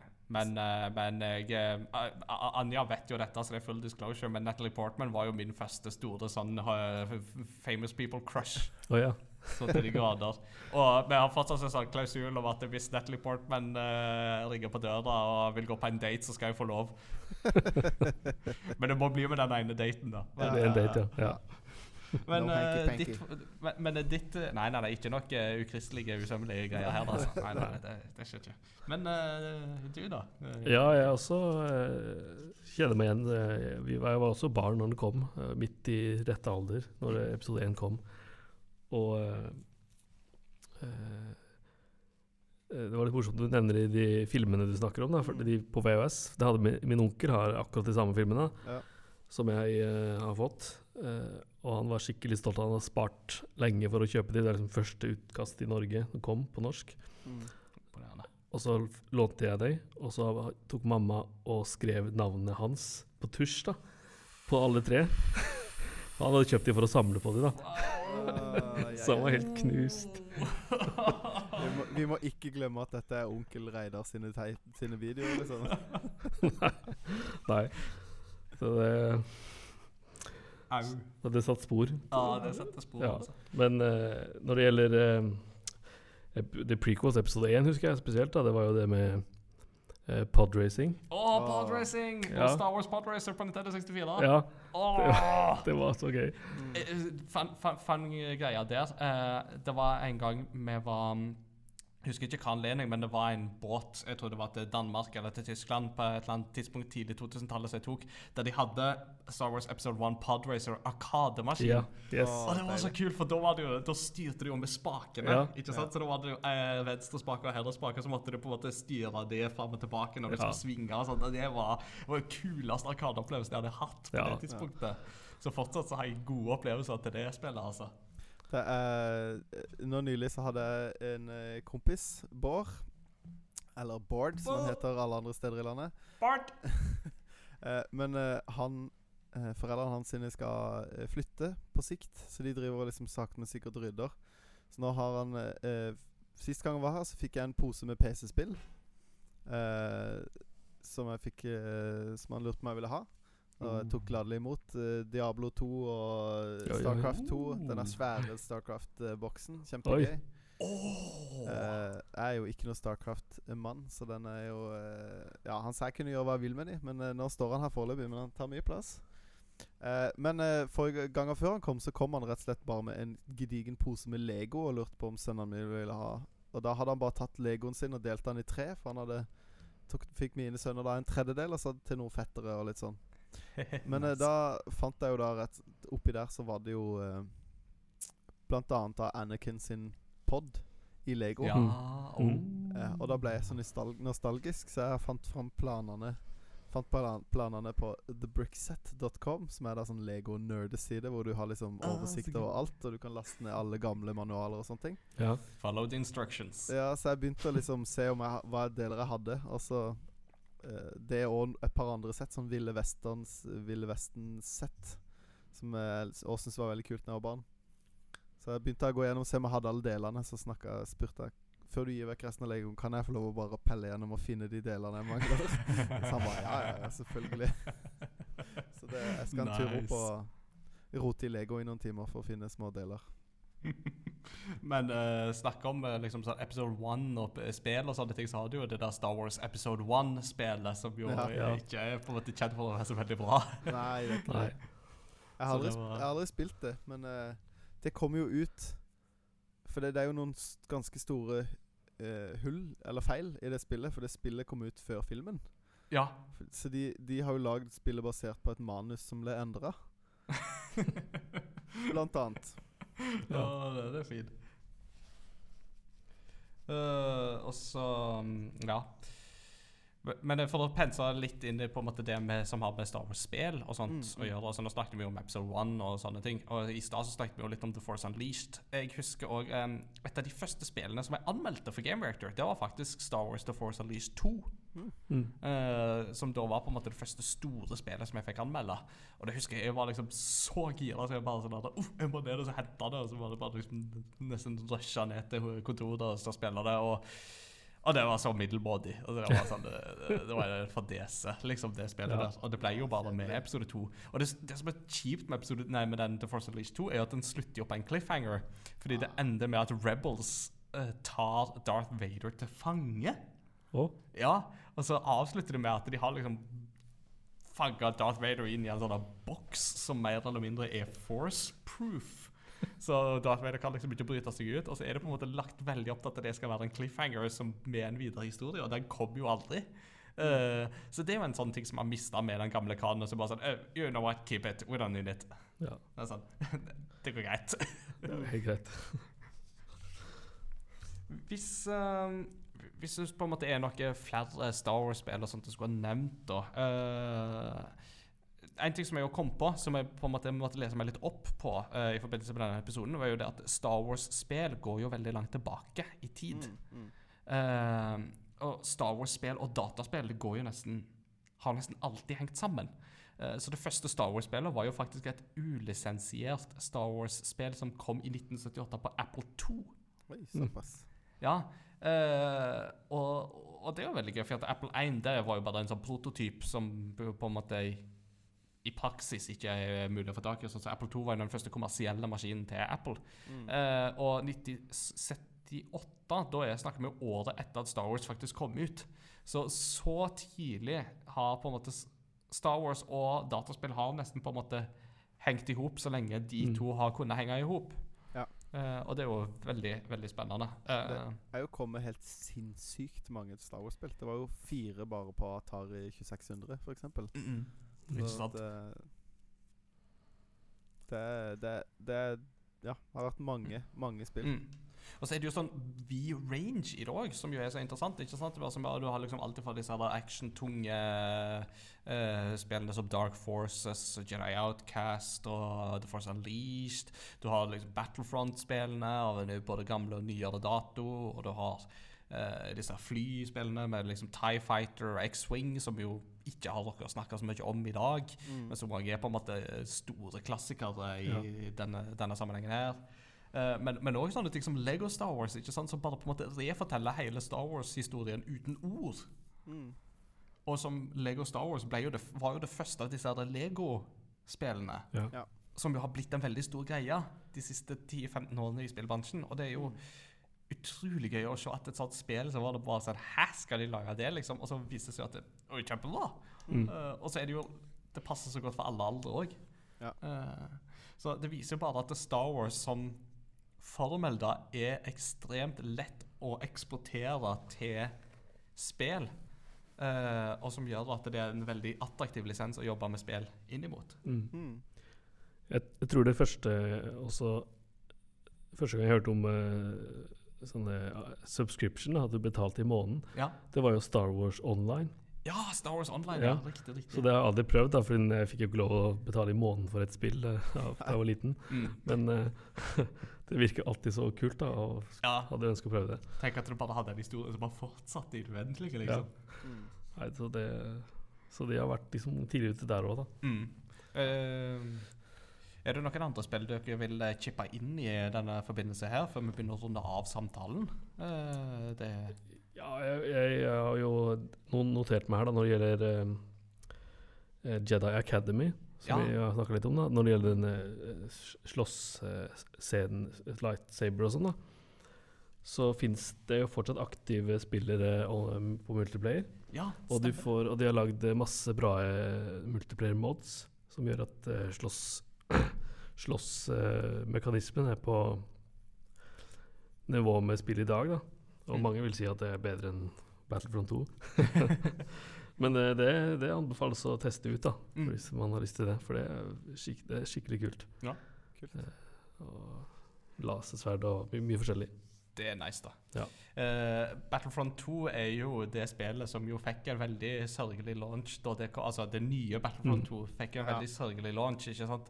Uh, men jeg vil faktisk si at det, det er et spill som jeg går tilbake til med jevne mellomrom. Uh, og jeg har spilt det litt i det siste òg, med annet Petter og Eirik. Eh, og vi har det veldig gøy når vi spiller det, og de har gjort fryktelig mye i løpet av de to siste årene på å reparere det spillet ifra hva det var til det det er nå. Og det har blitt utrolig gøy å spille, altså. Eh, og blant annet uh, det å kunne spille som Droidecast, uh, disse her rullende rob robotene robotene fra prequel-trilogien. Og når du da får opp skjold, og du er liksom nesten uovervinnelig, og du bare går rundt og bare. Det er utrolig power, altså. Ja. Det er kjempegøy. Så jeg bare sier altså, hvis du på en måte har Battlefront 2 ennå, eh, og ikke har rørt det på en god stund, plukk det opp igjen. Gi det en ny sjanse, altså. Fordi at det er mye mer balansert enn eh, det det var under den betatestinga og de første ukene. og sånt. Altså, Det har blitt mye mer tilgjengelig og overkommelig, og de har bygd veldig på det. Så gi det en sjanse, altså. Ja, jeg tror det er mulig å få tak gjennom EA Access. Eh, Ja, det er som koster sånn 200 i året eller noe sånt. Riktig. Der, eh, der får du spilt det. Mm. Og så, så der er det absolutt mulig å teste det hvis du har EA Access. Så. Ja. Kult. Har du noen siste spill du vil eh, slenge inn og gi en eh, shout-out til, Mats Jakob? Uh, nei, egentlig ikke. Jeg, jeg føler jeg har snakka om det jeg vil. Men uh, for de som ikke har spilt uh, Ja, nå glemte jeg i farta hva det heter. På 64, som vi snakka om i stad. Shadows of the Empire? Shadows of the Empire. Spill det, for det, det er kjempegøy. Selv om det har dårlig hopping. ellers, er, ellers er det et veldig gøy spill. Ja. Det fins på Steam. Oh. Ja, det gjør det. Ja. Ja, det gjør det jo faktisk. Så det er litt, litt lettere å spille med mus og tastatur enn med en Nintendo 64-kontroll. Ja. Men det var ikke så lett å ta ned de AT-AT-ene med det Nei, vet du hva? vevingen. eller? Åh, det, what a pain. Ja. Det verste er jo når du skal slåss mot han den, Hva heter han den roboten? Den U... u nei. Den Ja. det smale hodet. Det er jo Ja, ja. 88? Stemmer. Ja. Mm. Oh lord, det er en vanskelig altså- boss, altså. Det, det Ja, det er krevende. Slåss på en sånn søppelfylling eller et. Det er så Ja, mørkt, og han er utrolig kjapp, og ja. Ba, bare merk at den kom litt fortere for meg der, det navnet der. Det er nesten det sunt å innrømme. Men det, når det gjelder sånne sære navn fra liksom Expanded Universe og sånt, så er det eh, Men det er jo i den uh, Mandalorian-traileren så er det jo han med, men det er jo ikke han. Nei. Det, det, det er litt sånn irriterende. Det er en robot som er helt lik, men det er ikke den roboten som du tror det er. Nei. Jeg, jeg, jeg lurer på om i den gamle kanonen i så var det noe sånn at bakgrunnshistorien var at IB88 var en serie på en av fem noen sånne superdrapsroboter som en vitenskapsmann lagde, og de endte opp med å drepe han. Eh, Og siden den gang så har de liksom farta rundt i galaksen og gjort litt som de vil. Tror jeg var noe sånn den originale opprinnelseshistorien. Så. Mm. Men åh, The Mandalorian. Jeg er så sjukt klar for Ja. å få Disney Pluss til Norge, så Ja. give me now! Og Ewan McGregor tilbake i en Obi-Wan-spin-off-serie. Jeg er så klar! Åh! Det er det offisielt at det blir Ja, det? ja, det er en Ja. serie som består på seks episoder. Er det vel de har sagt at den skal være. Og det var jo det som egentlig var en spin-off-film, som de jo da Ja. eh, la på is etter Solo, A Star Wars eh, Story. Ja. Eh, så jeg, jeg har veldig og ikke minst det at eh, Ewan McGregor er jo så gira på å være tilbake sjøl. Ja. og han er jo noe av det beste med prequel-trilogiene. Ja. Helt enig. Eh, åh, så det, nei, det, det er fryd og gammen. Men uh, med det så tror jeg vi har på en måte gått litt gjennom vårt forhold til Star Wars-spill, og på en måte tatt litt sånn kjapt historikk og litt sånne gøyale ting og sånt. Så med det så tror jeg vi på en måte runder av temadelen og tusler videre i liturgien vår. For dette er en hebreke pachinko-kontroller til Super Nintendo. It's curiosity. What are you gonna show to me? It's curiosity. What a neat thing to know. It's curiosity. What are you gonna show to me? I haven't even heard of it. What a neat thing to know. It's a great the show. Og med det så skal vi ta for oss en kuriositet. Eh, Den eh, låta falt eh, tydeligvis i smak hos Ja. Joakim her. Det blir bedre og bedre. Ja, dette er home, homebrew fra Mats Jakob sjøl. Ja. og din Var det Simon som hjalp deg med bassen? Ja, Simon. Oh. Veldig bra, Simon. Tusen hjertelig takk. Det er shout-out til deg. Simon! Simon. Yes. Og i dagens kuriositet så er det du, Mats Jakob, som har fått ansvaret for å finne noe. Hva har du funnet til oss? Du, den er rett og slett uh, uh, Star Wars-relatert. Nintendo 64-relatert. Men Yes. sannsynligvis i noe ingen av oss noen gang var borti når vi var barn. Fordi det Kan kom det ha vært uh, Battle for Naboo? Yes, helt riktig. Men eh, det handler om Battle for Naboo, Nintendo 64-spillet som ikke kom ut i, i Jeg tror kanskje det bare kom i USA. Jeg vet ikke om det kom i Japan. Men uh, kom iallfall ikke til oss. Mm. Men eh, i Battle for Naboo Det er jo en slags Road Squadron Det er jo flyspill. Men Mm. uh, det som var det spillet kom Jeg er usikker. Det kom, i det kom en- i alle fall et år før uh, episode én. Men i det spillet så er en av eh, de eh, flyene du kan unlocke, er det der gule flyet som Anakin Skywalker ødelegger den uh, skjoldbasen med i episode én, når han plutselig ender opp i et fly og fly rundt. Jeg husker ikke hva det flyet heter, men det er sånn Eh, gult eh, Ja, du tenker på Nab Naboo Starfighter? Ja, det er det kanskje det det heter. Mm. Enkelt og greit. Men, eh, men det, det flyet var jo unlockable i det spillet. Mm. Eh, men det var unlockable via en kode, så det var ikke noe du kunne unlocke ved å spille spillet. Så du måtte på en måte eh, punche inn en kode for å få det flyet. Men eh, noen oppdaga jo det spillet Nei, det film... Film Det flyet var ordet jeg lette. Nå er det begynner å bli seint. Det flyet eh, Og skjønte jo ikke hva det var, for dette, det var jo ikke en del av noe som de hadde sett før. Mm. Og det var ikke, sto liksom ikke Ja, dette kommer i en ny film. Det var bare sånn eh, Så det er jo litt sånn deilig med sånn content som er unlockable lenge før du på en måte er, er, opphavet er kjent, da. Mm. Mm. Ja, og hvis jeg ikke tar feil, så var vel den uh, Naboo Starfighter var også mulig å unlocke med en sånn cheat-kode i Rogue Squadron. Nei, det kan godt hende. Tror Ja. jeg faktisk. Det tror jeg faktisk, ja. ja. Men det kommer vel, det kommer vel Ellers var er det Rogue Squadron jeg snakker om. Det er mulig jeg blander sånn i full fart. Men eh, det er iallfall et av de spillene Jeg trodde det var Battle for Naboo, men uh, mulig jeg tar feil. Uh, uansett så er det jo vittig at eh, de la inn det. Eller det jeg syns jo det er kjempegøy fanservice at det kommer inn, og at du kan liksom etterpå gå og finne det. ja. kjempe, kjempebra. Får jeg lov å skyte inn en ekstra kuriositet i den forbindelse? av Rogue Squadron. Ja. uh, det fins en juksekode som du kan punche inn i Rogue Squadron, der du får lov uh, å spille et sånn ekstraoppdrag der du styrer en uh, liten AT, jo, en ATST som går rundt, og det eneste du skal gjøre, det er å bare blaste rebels som springer rundt og prøver å skyte Ja. deg. Og du bare sånn Nei da, nei da, du får ikke lov å skyte meg. Piu, piu, piu. Og så prøver de rebelsene å overta noen ATPTs. De ser det enda mindre walkerne, og så må du jo Ja. gå bort og så skyte de i stykker. Og hele tiden så hører du bare bam, bam, ba, da, da, da, da, da, da. Det, det, det er power fantasy, det. ja, deilig. Nei, så det var dagens kuriositet. Takk skal du ha, Mats E. Jakob. Ja, vær så god. I come across over gaming